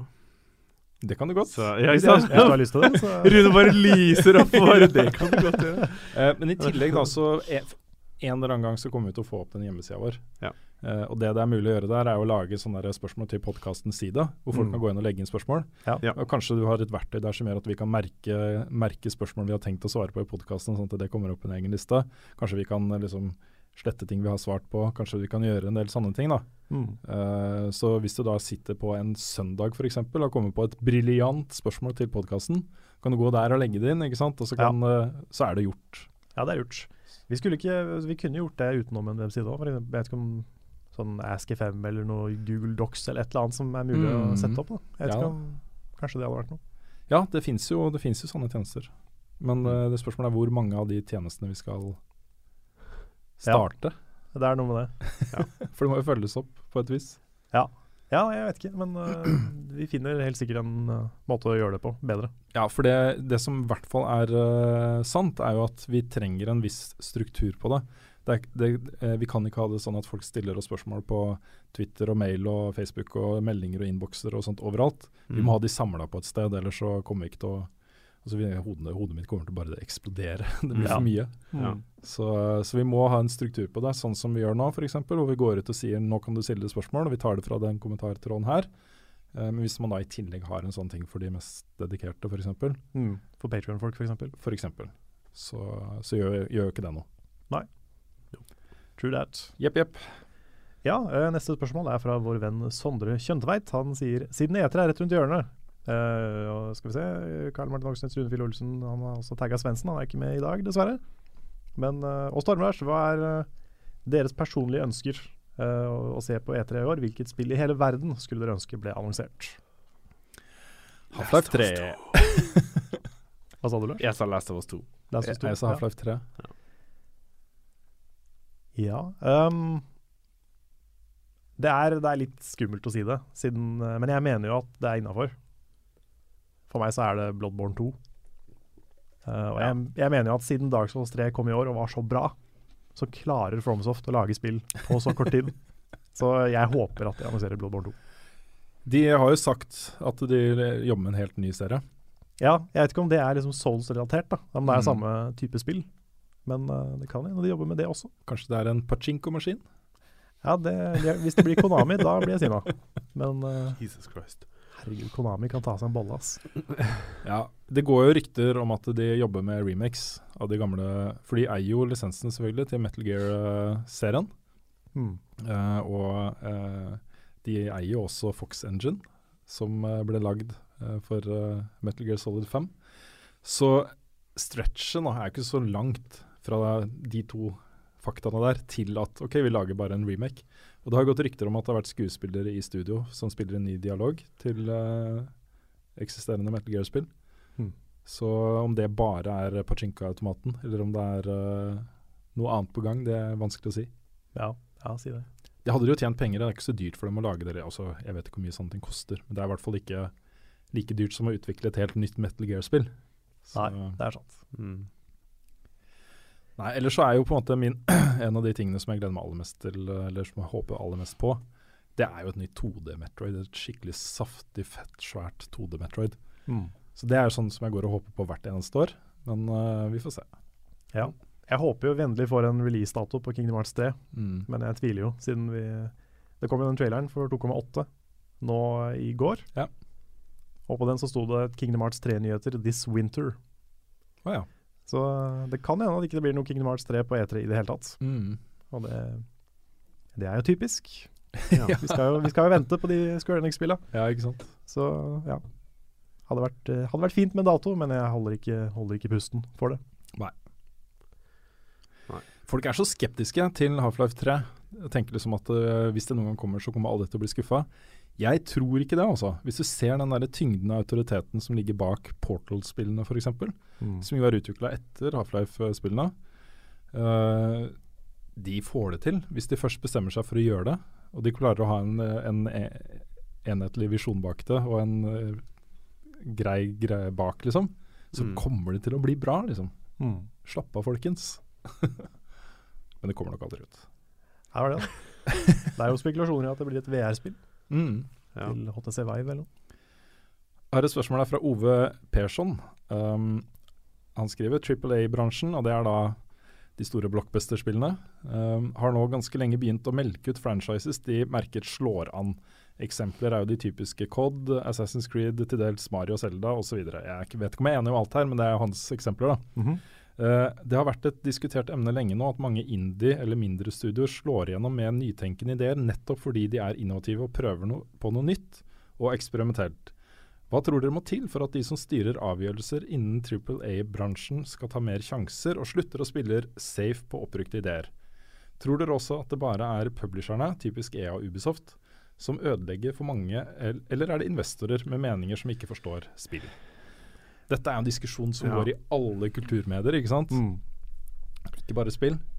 Det derre eh, kontrasten mellom ønsket om å tjene masse penger og nå masse mennesker, det å skape noe unikt og nytenkende og annerledes. Mm. Jeg tenker jo at det må, det må være en gruppe kreative mennesker som får friheten til å gjøre hva de vil. Mm. Altså fordi altså, Hvis du har sett på f.eks. Uh, nå, nå drar jeg det opp igjen, men, eh, men The Last of Us og eh, altså det de gjør Der får de muligheten til å eh, Til å gå sine egne veier, gjøre sine egne ting. Og den historien, den ting de lagde, den forandrer seg hele tiden underveis. Det er ikke, det er ikke noen som sitter ovenfra og ned og på en måte har spikra hele, hele greia og sier at sånn skal det være uansett hva som skjer. Eh, det, jeg føler at det må være den, den kreative protest, prosessen må få lov til å gå hele tiden. Mm. Mm. Den, de kan ikke bli begrensa av hva investorer eller andre på en måte skal sitte og, og bestemme, da, bare fordi at det er noe de tror de tjener penger på. Mm. Mm. Jeg vet ikke. Ja, for det, Men, det er sant med, med The Last of Us og Uncharted og sånn, at det, selv om de er så store, enorme produksjoner, så føles de som sånne kjærlighetsprosjekter. De er, ja, de det, er, er så litt, ekte. det er litt unikt med de. Mm. Og det føler jeg på en måte gjør, gjør de spillene så bra også. At her er det liksom kommet inn ting undervei- underveis som på en måte har forandra utviklingen av spillet. I The Last of Us for eksempel, så hadde jo, hadde jo hun som spilte Ellie Hun hadde en stor påvirkning av den rollen Ellie fikk i spillet. Og det hadde ikke skjedd hvis ikke det hadde vært hun som var karakteren, liksom. Mm. Og det, og det skjedde fra første stund. Det syns jeg er dritkult at, eh, at de gjør. Mm. Mm. Men du har jo også eksempler der hvor publishere har prøvd å gå inn og påvirke The Last of Us også. Mm. Som f.eks. at Ellie fikk jo ikke lov å være på coveret til å begynne med. Nei. Fordi eh, da var de redd for at de skulle miste de hardcore code-folka. ikke sant? Ja. Skal ikke ha noen jente på coveret. Nei. Det er liksom Sånne ting, da. Det er skummelt. Og det er noe av det verste jeg vet om i spillbransjen. Det er de der uh, publisherne, og sikkert også investorene, som man sier, Mm. som har mye meninger uten kunnskap. Ja. Mm. eh, tror de vet hva folk vil ha, og krever det. Ja. Det er veldig ødeleggende, tror jeg. Og det er, jeg vet ikke hva man skal Ja. gjøre med det. Det er vanskelig. Ja. Det er de som sitter på pengene. Så. Jeg vet ikke. Jeg tror, eh, jeg tror det generelle problemet her er at det gjøres noen sånn overordna beslutninger basert på demografier og fokustester og eh, inntjeningspotensialet, Mm. som eh, får for stor plass i spillet. Eh, som ellers kan være ganske bra, liksom, men hvis hovedpersonen er eh, kjedelig, så er jo det noe som følger deg gjennom hele spillet, og så da er det på en måte Mm. løpet kjørt litt, da. Mm. Uh, men samtidig da, eh, så gjøres det jo masse kult innenfor Triple A også. Uh, ta Bioshock-spillene f.eks. Uh, Grand Theft Auto 5, hvor det er noen sekvenser. For det jeg vil ha, ikke sant? jeg vil ha den derre følelsen av en million dollars. Liksom At det, alt bare er svært og flott og pent å se på. Ja. Kult å spille og føles godt og sånne ting. Men så vil jeg bli overraska innimellom uh, av noen ting som jeg ikke forventer å få se der i det hele tatt. Mm. Som f.eks. det var en sånn syresekvens i Grand Theft Auto 5 som plutselig kom ut av ingenting, og som var, var kjempegøy. ikke sant? uh, som f.eks. i plot-twisten i Bioshock og Bioshock uh, Infinite. Mm. Som er noe helt eget og unikt, og som er, har en plass i store blockbuster-ting, men som allikevel er veldig nyskapende og nytenkende og interessant. da. Mm. Det er det, det er det jeg tenker når du først har så store budsjetter til å lage spill. Ta deg tid til å overraske spillerne. ikke sant? Eh, Mm. Lag sekvenser og lag vendinger i opplevelsene som ingen forventer å få. Mm. Så har det gjort mye, altså. Mm. Ja. Men hva skal til for å få uh, folka med pengene til å skjønne at det er verdt å gjøre? Da må jo COD og den type spill slutte å selge så mye som de gjør. Ja, Altså Argumentet for at de skal gjøre det på den måten, er jo at de tjener utrolig mye penger på det. ja. ja det er jo det at i spillbransjen så er det få ting som tjener mye penger, kanskje. Mm. At uh, ja, jeg vet ikke. Det må, det må komme flere eksempler på at eh, ting som er annerledes, gjør det bra. Mm. Men eh, jeg, jeg tror ikke man skal forvente seg noen store endringer der. Eh, jeg, jeg tror uh, det vil være sånn som det er på film. Hvor du av, av og til så dukker det opp veldig nyskapende filmer og, og ting som er veldig annerledes. Som også blir veldig populære. Men ofte så er det jo ting som du går på kino og du får liksom det du har forventa å se. Det kan være kjempebra, liksom. Uh, men uh, kanskje ikke noen sånn voldsomt store overraskelser. Det er mulig at jeg banner i kjerka nå, men sånn nye Star Wars-filmen f.eks. Som jeg syns var kjempebra. Mm. Men det var på en måte det jeg forventa å se også. Ja, den var jo veldig safe sånn sett. Ja. Det var den. Så Det var Det- fanservice det er- hele veien, basically. ja. Men, uh, Men jeg syns det er greit, da.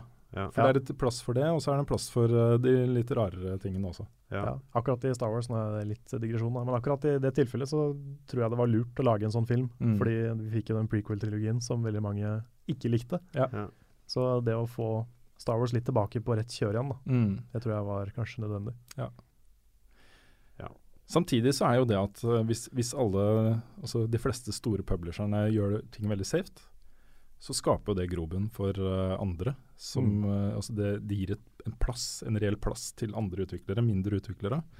Så nå sitter vi med fantastiske verktøy, liksom. Du- Flotte grafikkmotorer og sånn som det ikke trenger å være 300 mann for å håndtere og sånne ting. Som Mm. da kan lage dritkule ting som skiller seg veldig ut. The Witness f.eks. Mm. Firewatch. Mm. Det er Det er mye fordi eh, mange syns de store blockbusterne er litt kjedelige. Det, er- det er mye av grunnen til at de faktisk gjør det så bra som de gjør, og selger så mange eksemplarer som de gjør. Ja, Ja, du ser jo hele sjangre blir jo gjenopplivet av indie-bølgen. Ja? Det er kjempebra. Mm. Men, uh, men igjen da, så påvirker jo det da også Triple A-folka. Ja. Jeg vet ikke hvor mange Minecraft-kloner folk har prøvd å lage, men det, Det er en del. det er det. Så Ja. Jo mer variasjon, jo, jo mer variasjon får vi også på toppen. Sikkert. Mm.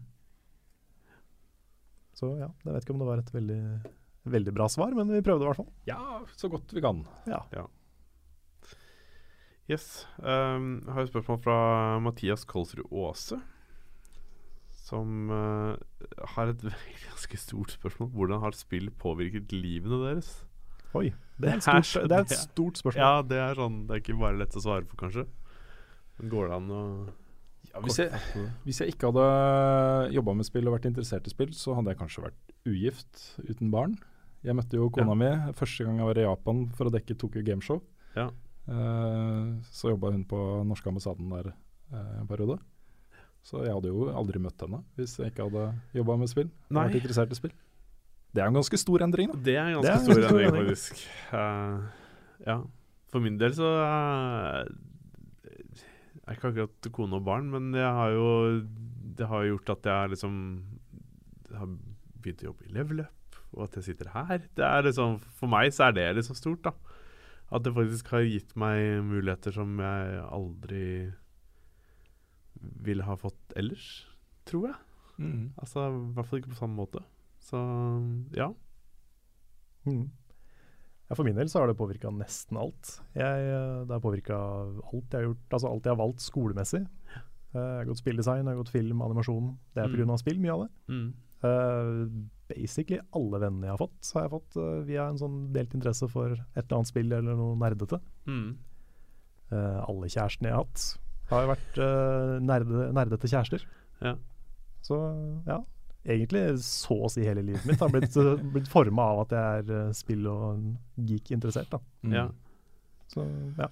Og så er jo spill en veldig veldig sosial ting. Jeg har jo, uh, Dette er jo kanskje da ikke folk jeg har veldig mye kontakt med fortsatt, uh, men jeg er venner med dem på Facebook og sånne ting. Men jeg har jo vært i Milano og møtt en fyr jeg har spilt med. Jeg har vært i Nederland og møtt en fyr jeg har spilt med. Jeg har Vært i Umeå og møtt en gjeng som vi spilte med. Ja. Og Det er liksom det nettverket man har bygd opp, og de vennene man har møtt, og de relasjonene man har fått, da. Det blir jo en ganske stor og viktig del av, eh, av livet. Mm. Det er sant. Og det er faktisk en kul ting at, du, at man møter folk fra utlandet. Jeg har gjort det samme sjøl. Møtt både ei fra Nederland, en fra Sverige, folk i England. Det er liksom sånn Mm. Det er ganske kult. Det er jo eh, Første kjæresten min bodde i Los Angeles. Ja, Det var også min første tur til USA, riktig. hvor jeg bodde hos dem. Og eh, det var mye greier. Så det har jo blitt noen opplevelser ut av det. Ja. Møtt et par eh, folk jeg kjenner i England. Ja. diverse. Ja. Mm. Så, nei, det har, vært, har hatt mye å si. Det har vært en Mm. sånn butterfly-effekt av uh, spill hele veien. Mm. har et eh, spørsmål her fra Fredrik på Patreon. Han har et viktig spørsmål. Han er alene hjemme i helgen og har endelig tid til et tidkrevende enplayerspill. Eh, hvilket spill ville dere gått for av følgende alternativer, og hvorfor? Metal Gear Solid 5, Tomb Raider, det nyeste, uh, Zelda Twilight Princess HD eller det nyeste Hitman. Aldri spilt tidligere spill i noen av seriene utenom Zelda. Hmm. Det, jeg vet ikke om jeg hadde foreslått noen av disse hvis vi skulle velge, da, men det er jo disse spillene han har lyst til å spille. Ja, okay. ja altså hmm. Nå har ikke jeg spilt Phantom Pain, men eh, ut av de jeg har spilt, da Hvis du ikke har spilt Twilight Princess før, så er jo det en veldig bra opplevelse, syns jeg. Mm. Jeg vil i hvert fall anbefale det. Jeg tror også jeg kanskje Jeg ville nok kanskje ha gått for Selda, Zelda, jeg også. Av, av disse Mm. uh, så tror jeg kanskje det hadde vært den opplevelsen som hadde gjort helgen mest koselig. Ja, for det er noe med det at Selda er veldig koselig. Ja, det er Det det er veldig sånn eh, innlevende og veldig Veldig sånn digg å spille Mm. over lengre tid. Ja. Mens eh, Metal Gear Solid 5 det er også et veldig bra spill, uh, men det det er et mer sånn tidkrevende Jeg føler at det er et spill som du skal eh, pusle med en stund. For mye av det spillet handler jo om å oppgradere homebase og, eller motherbase. Mm. og sanne ting, liksom. Og det er veldig lange, tunge, seige oppdrag uh, som er veldig kule. Men uh, jeg føler at det er et mer sånn En helg er ikke nok til å yte det spillet rettferdighet. Nei. Uh, mens Selda kan du nok spille gjennom på en helg, hvis du eh, går litt inn for det. Ja, da skal du være veldig Det er rundt 30 timers eh, spilletid, er det ikke det? Hvis ikke mer. Ja. Kan hende du fort kommer opp i 40. Ja, det er jo hvert fall hvis er begynner fredag, fredag ettermiddag, da. så kanskje Ja. du klarer det. Hvis du ikke gjør noe annet, så kommer du kanskje gjennom Selda. Ja. Ellers så nevner jeg noe Hitman, og det er jo et spill som jeg kommer til å vende tilbake til snart. Nå har det kommet to nye kapitler etter at jeg anmeldte det og var ganske lunken. Mm. Eh, kanskje det er nok nå til at uh, det føles mer sånn kjøtt på beina-spill. Ja. Mm. Men uh, egentlig så hadde jeg bestemt meg for å vente til alle kapitlene er ute, så jeg vet ikke helt. Hvor mange kapitler blir det? vet du det? Nei, det vet jeg ikke. Til sammen skal det bli et fullt spill, på en måte. Så, med en sammenhengende historie og Ja. alt. Ja, for jeg har jo litt trua på at det fulle spillet blir veldig bra. Jeg tror det kommer til å bli kanonbra. Kanonbra. Og eh, etter det jeg har sett liksom, av tilbakemeldinger fra de to andre kapitlene og De har disse elusive targets også, som kommer jeg tror det er en gang i måneden. Som er bare åpent i 72 timer eller noe sånt, og så kommer det aldri tilbake igjen. Så de gjør en del sånne ting som er ganske kult, da, hvis du følger det. Men uh, jeg vet ikke. Da er det to stemmer på Selda. Ja, nei, jeg vet faktisk ikke hva jeg skulle uh, skulle valgt. Jeg føler at uh, Selda er veldig sånn Det føles ut som det er en sånn massiv greie. Så jeg har litt sånn For at man skal være bra dedikert og virkelig føle at man har tid for å sette seg inn i det. da Jeg vet ikke om det er eh, feil, jeg. Uh, Jeg, jeg tror ikke nødvendigvis du må det. Altså. Du må ikke det? Jeg, det går ganske fort å komme inn i et Ja. nytt Selda. Ja, det går veldig fort Ja. å komme inn i, og det som er fint med Selda, særlig i en sånn setting da, hvor du har endelig tid for deg selv og skal sette deg ned og virkelig fokusere, det er jo at hver nye ting de gjør i det spillet, gjør deg mer og mer gira, og så vokser det, og så får du liksom større og større verden og større og større eh, muligheter til å utforske, og eh, Mm. nye våpen og nye gadgets, nye egenskaper, og det bare vokser og vokser og vokser. Altså, du Mm. dras inn i en sånn veldig positiv og hyggelig eh, greie, liksom. Mm. Også spesielt i Twilight Princess så Mm. følte jeg veldig det der hver gang jeg fikk et nytt item, altså en ny sånn ting du kan bruke da, fysisk i, i verden, så husker du alle de tinga du har sett som ikke du fikk tak i.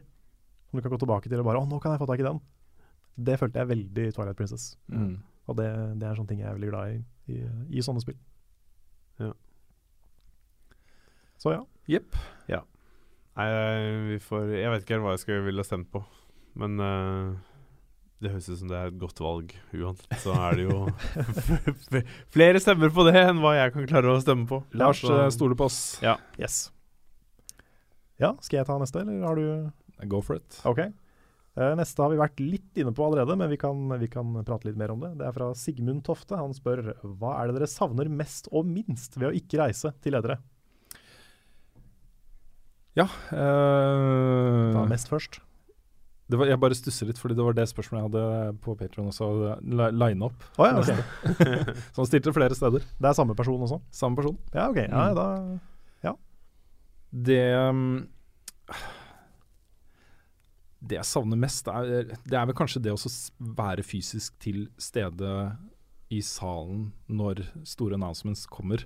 mm. Det, det føles som man er med på noe kult. Og jeg har jo sittet liksom i salen når det har skjedd masse fett på disse pressekonferansene. Mm. satt liksom 20 meter fra alle de gjenværende medlemmene av The Beatles f.eks. Ja. Sånne ting liksom som man ikke får opplevd uh, noen gang ellers i livet. på en måte. Mm. Det er så, Det å være til stede på en sånn fesjå som det der er, er jo ganske gøy. Det føles ganske kult. Mm. Så, så det er nok det jeg savner mest. Ja. Ja. Jeg er glad jeg var i salen da de eh, annonserte Final Fantasy 7-remaken. Liksom. Det var en sånn opplevelse for livet. Ja. Bare det å sitte der og få den, den jublinga Mm. og den der gale stemningen fra den salen. Ja. Så ja.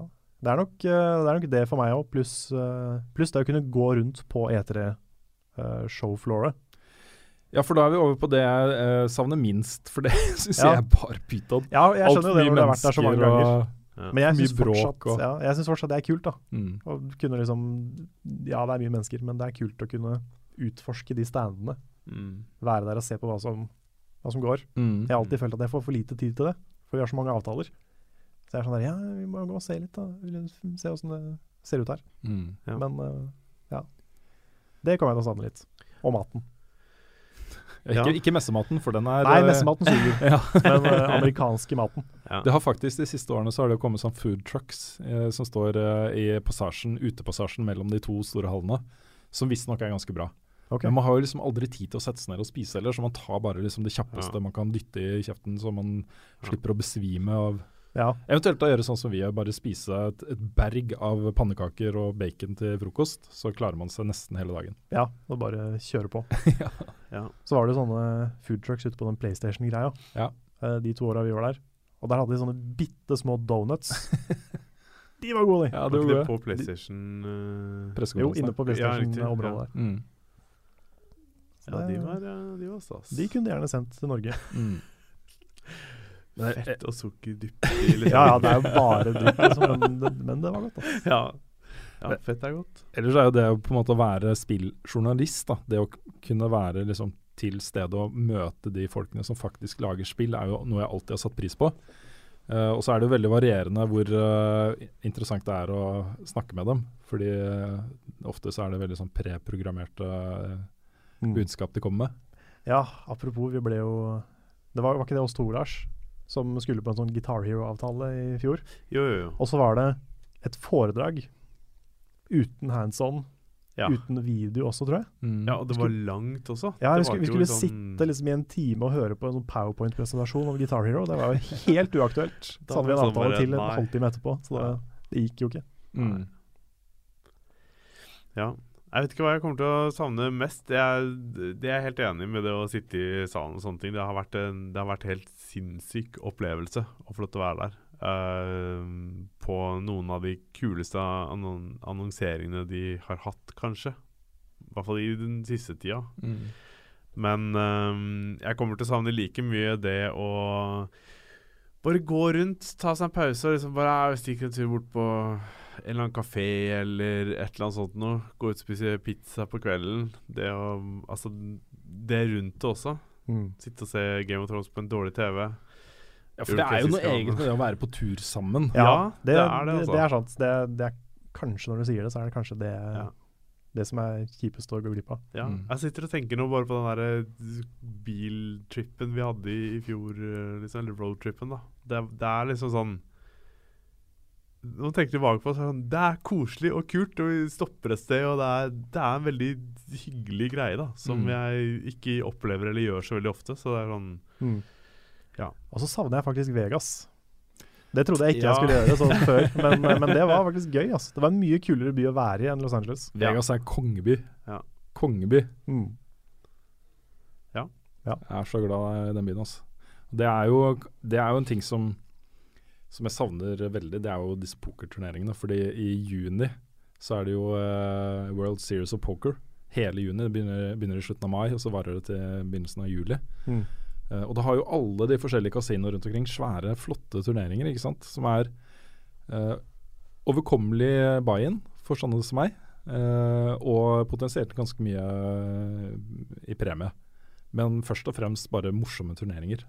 Så eh, det morsomste pokeren jeg har spilt noen gang, er i den type turneringer. Som er sånn big stack-turneringer med Du har masse chips. Og jeg har sittet liksom i 18 timer og spilt poker liksom, i en turnering. Det er kjempegøy. Ja. Det er kult, altså. Så kanskje neste år. Ja. Det hadde vært kult å gjort etter comeback neste år. Ja. Det hadde vi, egentlig det. Vi har nok ikke penger til det, men uh, kanskje vi, hvis vi får en eller annen fancy sponsoravtale, så kanskje vi kunne Kanskje ta det. Mm, det kan hende. Øremerke noen midler til sånne ting hadde kanskje ikke vært så dumt. Nei, i hvert fall noen av oss. Mm. At vi har eh, en eller to personer, kanskje tre, Ja. på messa. Mm. Jeg håper å si jeg blir med uansett. Ja. Kanskje vi skal ha egen stand på E3. Åh. Studio. Bygge et studio på eh, messegulvet. ja. Hvor stort budsjett har vi, da? altså, Altså, hvis Kom folk, igjen, Patrion-folk. hvis folk, hvis folk hundredobler alt det de gir på Patrion Patreon i et år, så 500 kanskje vi har råd til det. 000 eh, er sånn cirka akkurat det vi trenger. Ja. Men uh, andre halvdel av spørsmålet, hva savner vi minst? Ja, jeg har vært inne på det. Messe, også det, det å stresse fra avtale til avtale. Mm. For det er lange avstander å gå, og det er mye folk, og det er varmt, og det er ganske ille. Og så kommer du fram, og så er det et dårlig opplegg, liksom. Altså, du får ikke noe særlig ut av det. På den annen side så er jo mange av de kuleste opplevelsene på etter er jo at etter å ha gått en sånn tur, så kommer du inn i et rom, og så sitter du med liksom sjefsarkitekten bak et spill du gleder deg veldig til, og muligheten til å snakke med den personen og uh, få en veldig sånn intim opplevelse av uh, spillet. Det, er, det er Når det klaffer, så er det kjempekult. Ja. ja, det har jeg tenkt på etterpå, for jeg var jo på en sånn lukka Bloodborne-visning eh, det første året vi var der. Og jeg, jeg er ikke sikker, men jeg tror sånn, det, det skjønte jeg ikke før lenge etter, men jeg tror han som sto der, var Miyazaki. Det, det er liksom kjipt å ikke vite det mens ja, du var der. Jeg visste ikke det da, men jeg tror, jeg tror det var han som satt der og presenterte det spillet. Ja. Det er dritfett. Mm. Men, eh, men ja. Jeg, er- enig i alt stresset. Mm. Det å løpe fram og tilbake i varmen uh, for å rekke alle 100 avtalene vi har. Jetlag ut av en annen verden. Ja, ikke minst. Mm. Og- Flyturen. Ja, flyturen.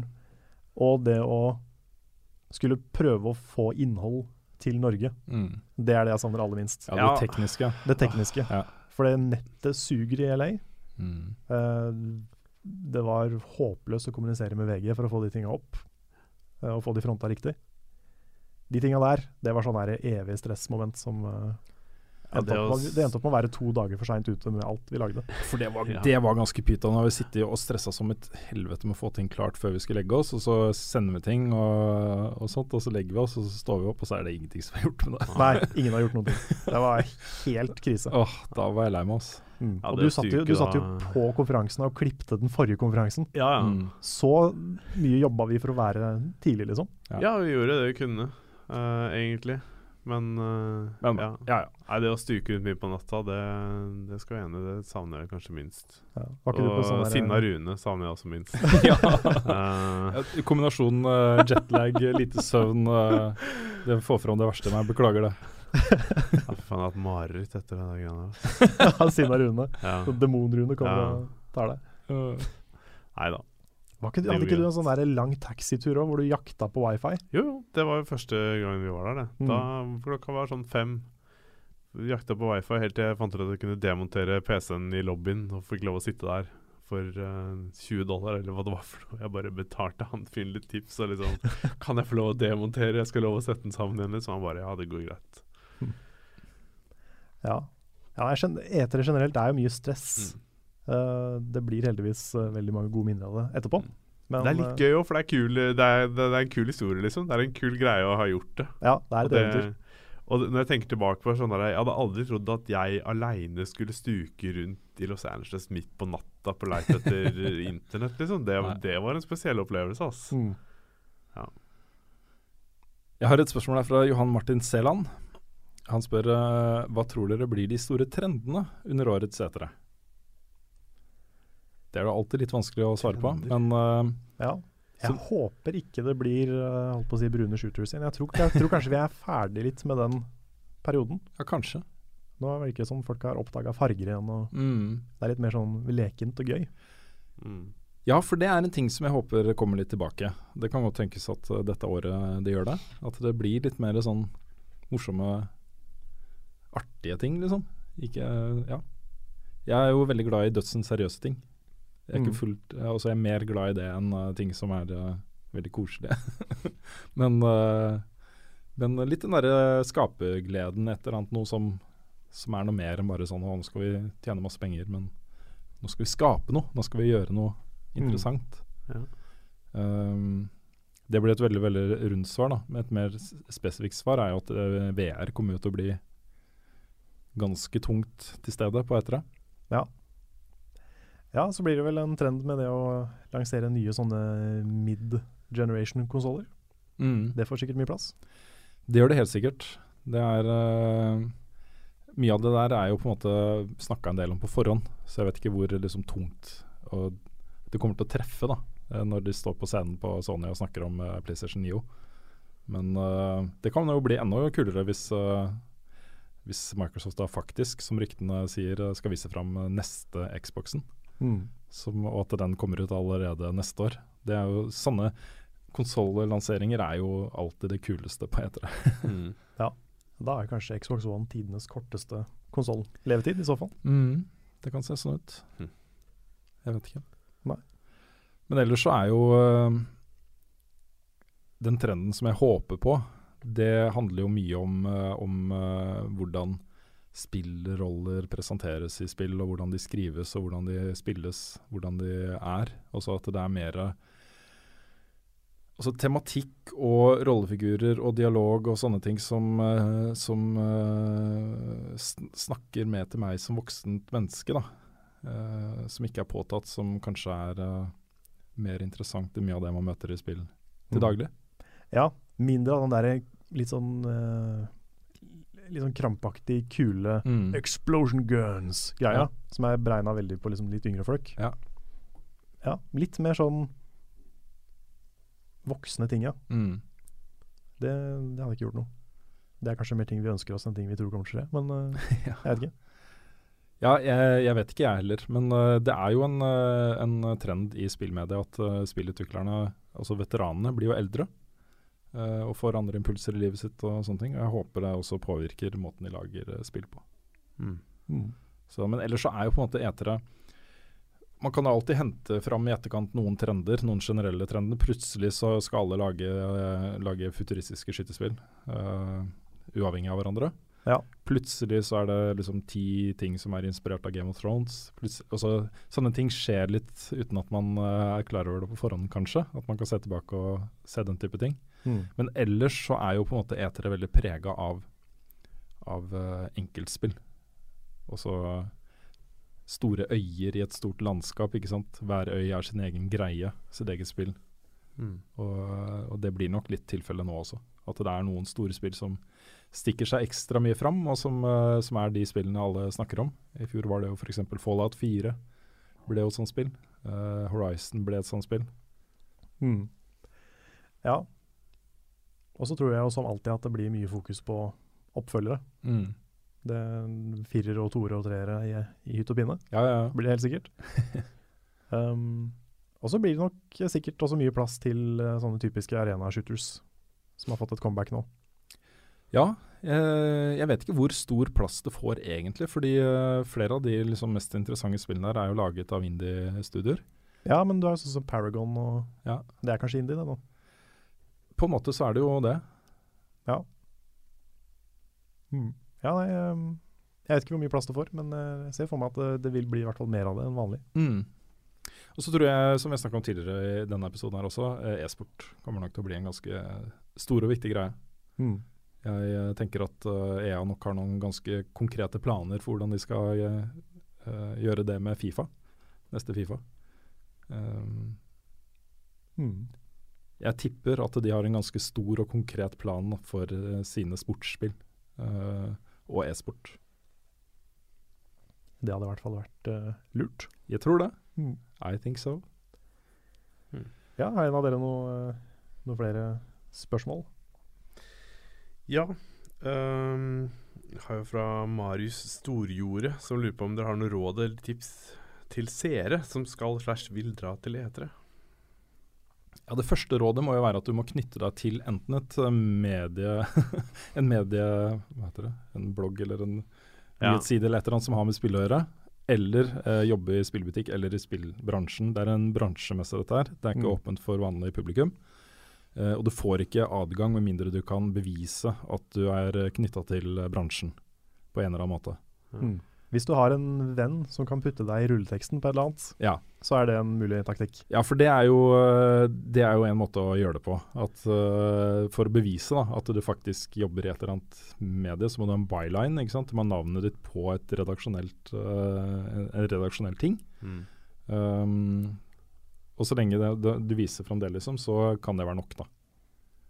Um, fordi som journalister så må man jo liksom egentlig vise pressekort og sånne ting. Men hvis man ikke har det, så, så holder det med, med det, da. Mm. Mm. Så det er det første, første tipset. Det, Ja. det må du ha i boks. Du kan jo også være en ganske stor YouTube-kanal, men da må du være veldig stor, vel? Jeg vet ikke om det har noe sånn eh, kjempekrav på det. Hvis du har en, jeg, jeg tror hvis du har en blogg f.eks., eller en YouTube-kanal som ser rimelig proff ut, Mm. som uh, uh, ser ut som en litt sånn tyngre journalistisk satsing, så tror jeg ikke de ser så mye på, på hvor mange som er innom. Men du må, ja, du, må ha en, du må ha et domene. Altså, eh, jeg tror nok en god taktikk det er å rett og slett lage en blogg. Eh, Kjøpe et domene til den. Uh, kulespill.no eller, eller noe sånt. Mm. Eh, designe en logo som ser proff ut, og få det til å se litt proft ut. Og ha liksom artikler med bylinen din. Mm. eh, som, som se, altså ting, at det ser litt proft ut. Mm. Hvis du kan vise til noe sånt, så, så skal det holde. Ja. Må du være Du må vel være litt oppi, holdt på å si, ikke oppi åra, men du må være over 18 kanskje? eller? Jeg tror det er 18-årsgrensa. Ja. Fordi det vises jo fram uh, mature-spill der. Ja, jeg, har jo, jeg, jeg ser jo aldri veldig unge folk på E3. Jeg ser jo folk som er vår alder eller eldre. Ja. Ja, du får ikke adgang til de, du, du kommer inn i messeområdet, men ikke inn i hallene hvis du er under 18. Nei, OK. Der står det folk og sjekker eh, ID og sånne ting. Stemmer. Det er jo en public del av E3 i år. Er det det?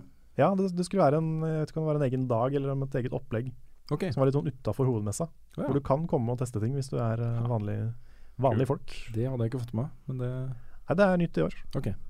Så kanskje det blir utvida til neste år. Ja. Ja, det kan hende. En mulig fremtid for E3-messen er å gjøre den om til en, en eh, publikumsmesse. Mm. Ellers er jo Gamescom i Tyskland er jo det. Ja, den er jo det. Der har du campingplass og greier. Det er ganske kult opplegg, altså.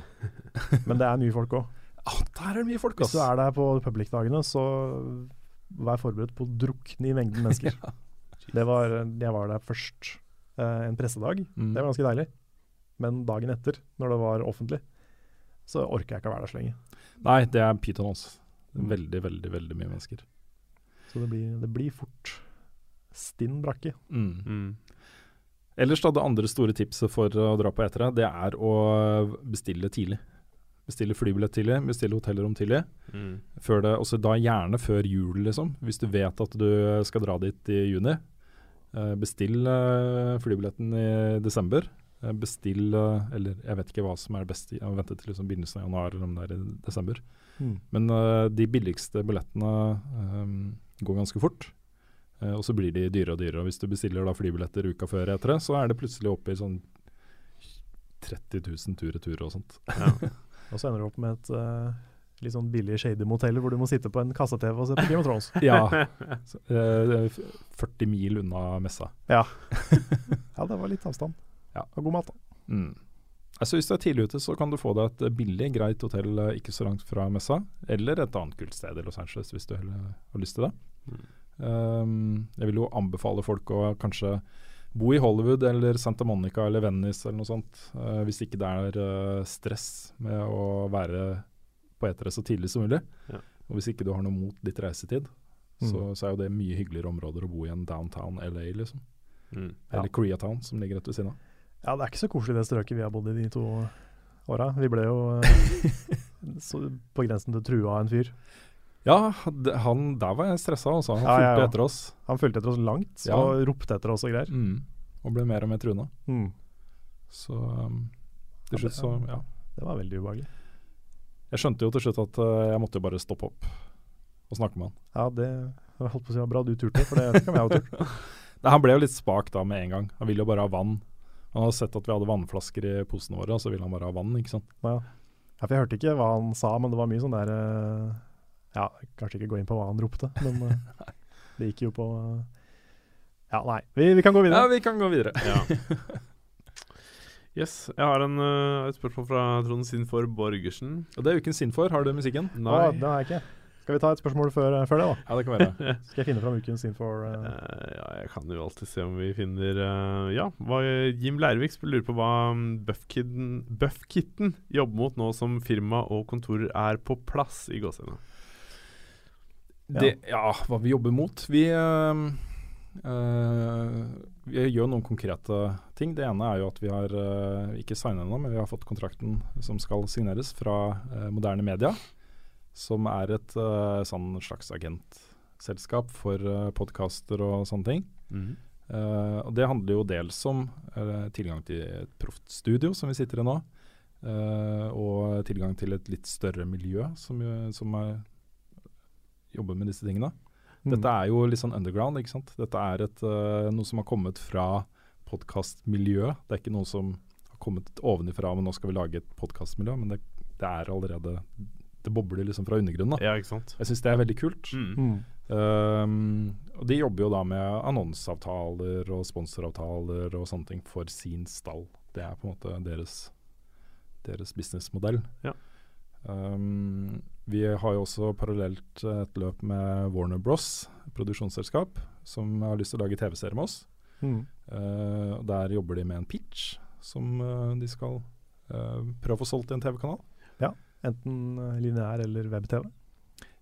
Eh, det er veldig det blå hva det kan bli, liksom. Det er litt avhengig av hvem som eventuelt biter på, og hva slags tanker de har rundt et sånt type konsept. Mm. Og hva vi føler vi kan gjøre. Ja, fordi Mm. det er jo helt essensielt, selvfølgelig. Vi Mm. eh, kan jo ikke gjøre ting vi ikke er komfortable med. Så, så det er det. Um, og så handler det jo egentlig bare om å Begge disse to tingene handler jo om inntekter, ikke sant. Mm. Fordi mål én for oss er jo å få mer inntekter. Vi eh, er eh, omtrent halvveis der. Ja. ja, for vi har jo det, det 10 000 dollar-målet på Patron, og det er jo eh, det, er det, vi er oppe i, det, det vi må opp i for at du og jeg kan drive level up uten å på å si måtte legge det ned. Ja, med minimum av det vi, eh, vi har lyst på av lønn, da. Ja, så vi er ikke Virkelig helt, eh, minimum. Ja, vi er ikke helt der ennå. Nei. Nå har vi heldigvis eh, fortsatt litt sluttpakker og sånn å leve på. Ja. Så vi, vi er jo ikke i trøbbel før eventuelt neste år. Nei. Men, eh, men ja. Men utover det, da, så er jo eh, Det er jo fortsatt vanskelig for oss å uh, sjonglere produksjon med alle de andre tingene som gjøres, eh, som handler om å eh, få et faktura- og regnskapssystem, sånn at du kan begynne å fakturere f.eks. Lars. Mm. Eh, få på plass uh, avtale med regnskapsfører, hjemmeside, eh, en markedsføringsplan. eh, masse sånne ting da, Mm. som bare ligger der, som vi må gjøre. Men vi må jo også produsere ting, så det blir liksom sånn oh shit. ja. Det blir sånn prioriteringsting. Mm. At vi, vi har en haug med seere som vil ha ting, og det vil vi også lage. Mm. Samtidig som vi har en del administrative ting som er tungt, men som må gjøres. Men jeg er veldig veldig glad for at jeg har fått på plass uh, nyhetsmagasinet. Og Det er en sånn ting som bare kan løpe og gå nå. Mm. Uh, jeg tenker også at det kanskje kan være mulig å selge det til et annet uh, no, eh, VG eller Dagbladet eller et Kanskje. eller annet, liksom. Kanskje. Noen som kunne vært interessert i å bare publisere det på sine sider. Mm. Vi skal ikke ha voldsomt mye betalt for det. Det vil jo tro det skulle være mulig for de å tjene annonseinntekter på noe sånt. Ja, kanskje. Få det fronta. Mm. Vi, har, eh, Mm. jobber i hvert fall med, med planer for å få inn litt mer cash. Ja. Så vi kan holde ut med, med level up framover. Ja, og vi må ha på, med, på plass mer cash, cash i løpet av høsten. Det er sånn eh, når, når vi begynner å si det som oktober-november Hvis vi da har ingen utsikter for mer penger, da vet jeg ikke helt hva vi gjør, rett og slett. Nei, da, da begynner det å bli stress. Ja, da begynner det å bli stress. Foreløpig er det ikke stress, men da begynner det å virkelig å bli det. Mm. Ja. Det blir mye businessprat i podkasten. Mm. Ja, gjør det da. Vi får mye spørsmål om det. Ja, vi gjør, så- vi gjør for så ja. vidt det. Mm. Mm. Ja, skal vi ta ukens uh, Sinfor? Ja, det kan vi gjøre.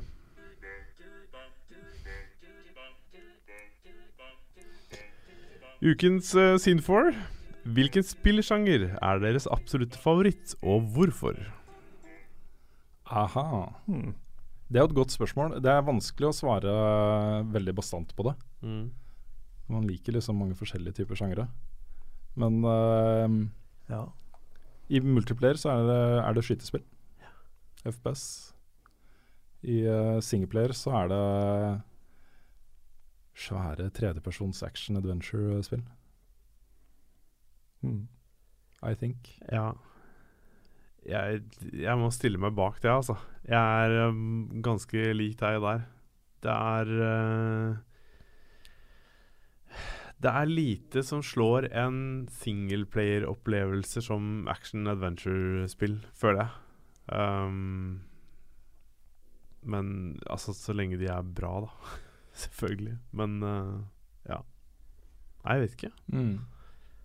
Det er uh, Det er så mange andre sjangere man liker også. Så det er sånn her, jeg føler at det er sånn Det er, det er sånn tett, da.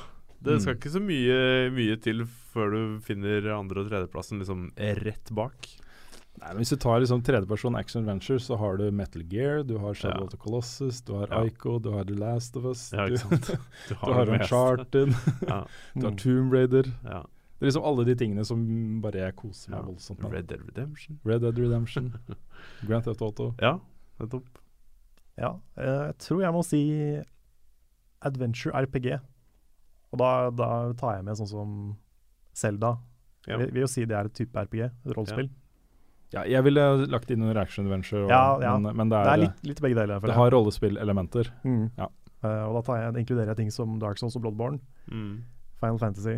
Uh, og jeg ser jo på liksom, Når jeg ser på min egen toppliste over spill of all time, så er det jo veldig mye RPG og JRPG. Så generelt rollespill. Det er nok mitt svar. Ja. Mm. Hvilken Yes. sjanger legger man liksom Firewatch i? Det er noen som uh, Er det- kaller det for litt sånn Det er litt stygt å kalle det en walking simulator, ja, men det er jo det den betegnelsen har fått litt. Det er et adventure-spill, ville jeg sagt. Ja.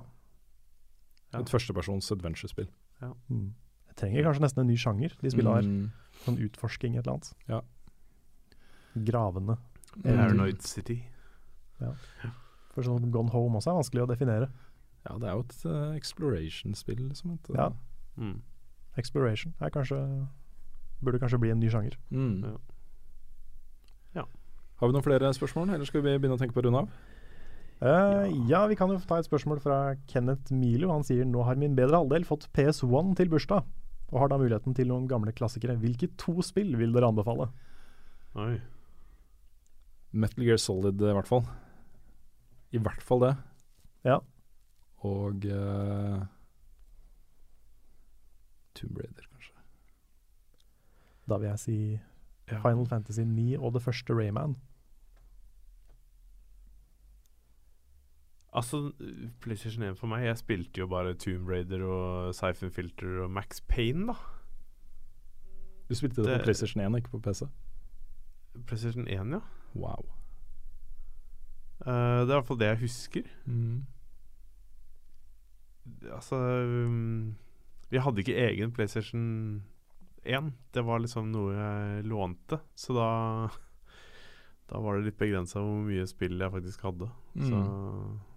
ja. Nei, jeg vet ikke.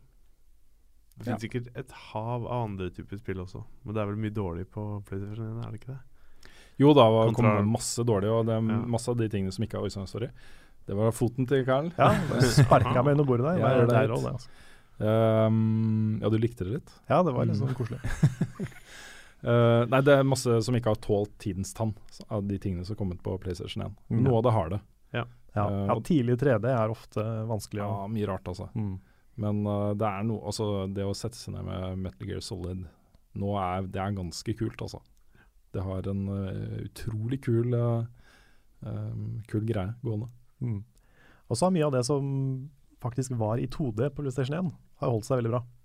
Sånn som uh, f.eks. Castlevania. Mm. Symphony of the Night er vel det, er ikke det? Jo. Det er- går for å være et av de beste Castlevania-spillene. Absolutt.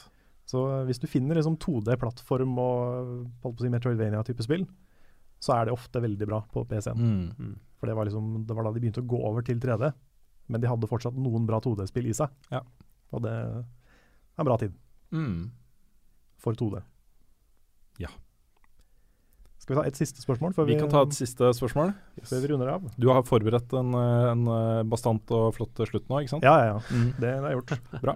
Uh, vi har et spørsmål fra Christian Haugland. Han sier kan dere legge ut eldre innslag som anmeldelser og trollhold fra VG-dagene ut på YouTube-kanalen? Kan vi det? Ja, Vi kan det, hvis du vil. Ja, hvis folk vil ha det. Ja, Vi har jo lagt ut en del. Noe ligger ute allerede. Ja, Mm. for det var jo, det var jo den YouTube-kanalen fantes jo mens vi var i VG også. Ja. Så det ligger jo der. Altså Sånn i teorien så eier vi jo alt. Vi har jo fått med oss hele pakka, liksom. Så det er jo egentlig bare å publisere det hvis vi vil. Eventuelt kunne vi lage en sånn legacy-serie hvor vi legger ut gamle ting. Ja, hvis, hvis folk vil ha det. Ja. Og så har jo Jeg lagde jo ett eh, innslag, en sånn oppussa klassiker av Kingdom Hearts. Mm. Uh, har egentlig hatt planer om å lage flere av de, fra Mm. andre klassikerinnslag jeg har laga. Ja. Det er ikke noe veien for å gjøre det heller. Det er det ikke. Bare uh, pusse opp litt gamle ting. Mm. Så det, jeg har lyst til å gjøre mer av det, i hvert fall. Jeg må bare prioritere nye ting. Men så fort jeg får tid til det, så har jeg lyst til å gjøre det. Ja, ja. Kanskje noe å bruke litt tid på i sommer. For eksempel. Kanskje. Det er ingen dum idé. Nei. Ja, skal vi runde av? da? Det kan være til sommer, Bare en ting til, forresten. Til sommeren så vil jeg også lage noen sånne highlight fra podkasten og sånne ting. Også, så, hvis det er mulig. Hvis noen orker å sette seg ned og høre gjennom alt. Og, Ja, det er noen timers jobb. det er noen timers jobb. Men det Ja. Som en, ja, et alternativ da, til eh, ferske episoder eh, et par uker. Mm.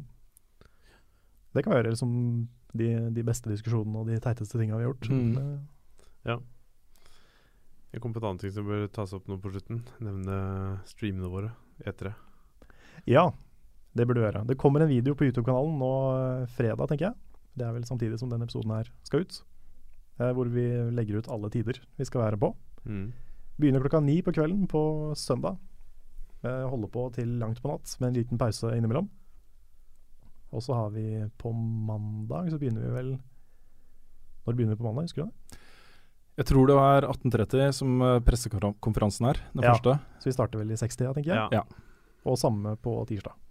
Ja, da begynner pressekonferansen klokka seks, så da starter vel halv seks ish. Så eh, kom gjerne innom og, og følg E3 med oss. Mm. Vi skal sitte der og spise godis og slappe av og prate. Ja, Mm. det kan hende at det hadde vært kult hvis vi bare satt og spilte et eller annet mellom uh, Vi kan prøve på det også. Ja. Noe må vi gjøre for å holde oss uh, aktive og Ja, våkne på. Absolutt. Det er sant, det. Én kan sove mens den andre spiller. Vi kan altså ha watch. Ja, er det, din, sånn, din, er det din tur til å ta kontrolleren. Og så. Night, night Watch. Ja. det, det kan vi gjøre. Mm. Men ja, eh, så gjenstår det jo bare å si tusen, tusen takk til alle som backer oss på Patreon Det setter vi super pris på. Og så avslutter vi, hvis ikke det er noe mer dere vil si, så avslutter vi med et uh, spillsitat. Jeg kan ta en ting til også. Ok, Um, det har kommet musmatter musematter på fanbase.no. det har det. Level up musematter. Så der er det bare å gå inn og kjøpe. Yes, Det er andre ting der også. det er det. Mm. T-skjorter, da. Ja. Diverse. Ok, yep. da, da avslutter vi med ukens spillsitat. Welcome to die.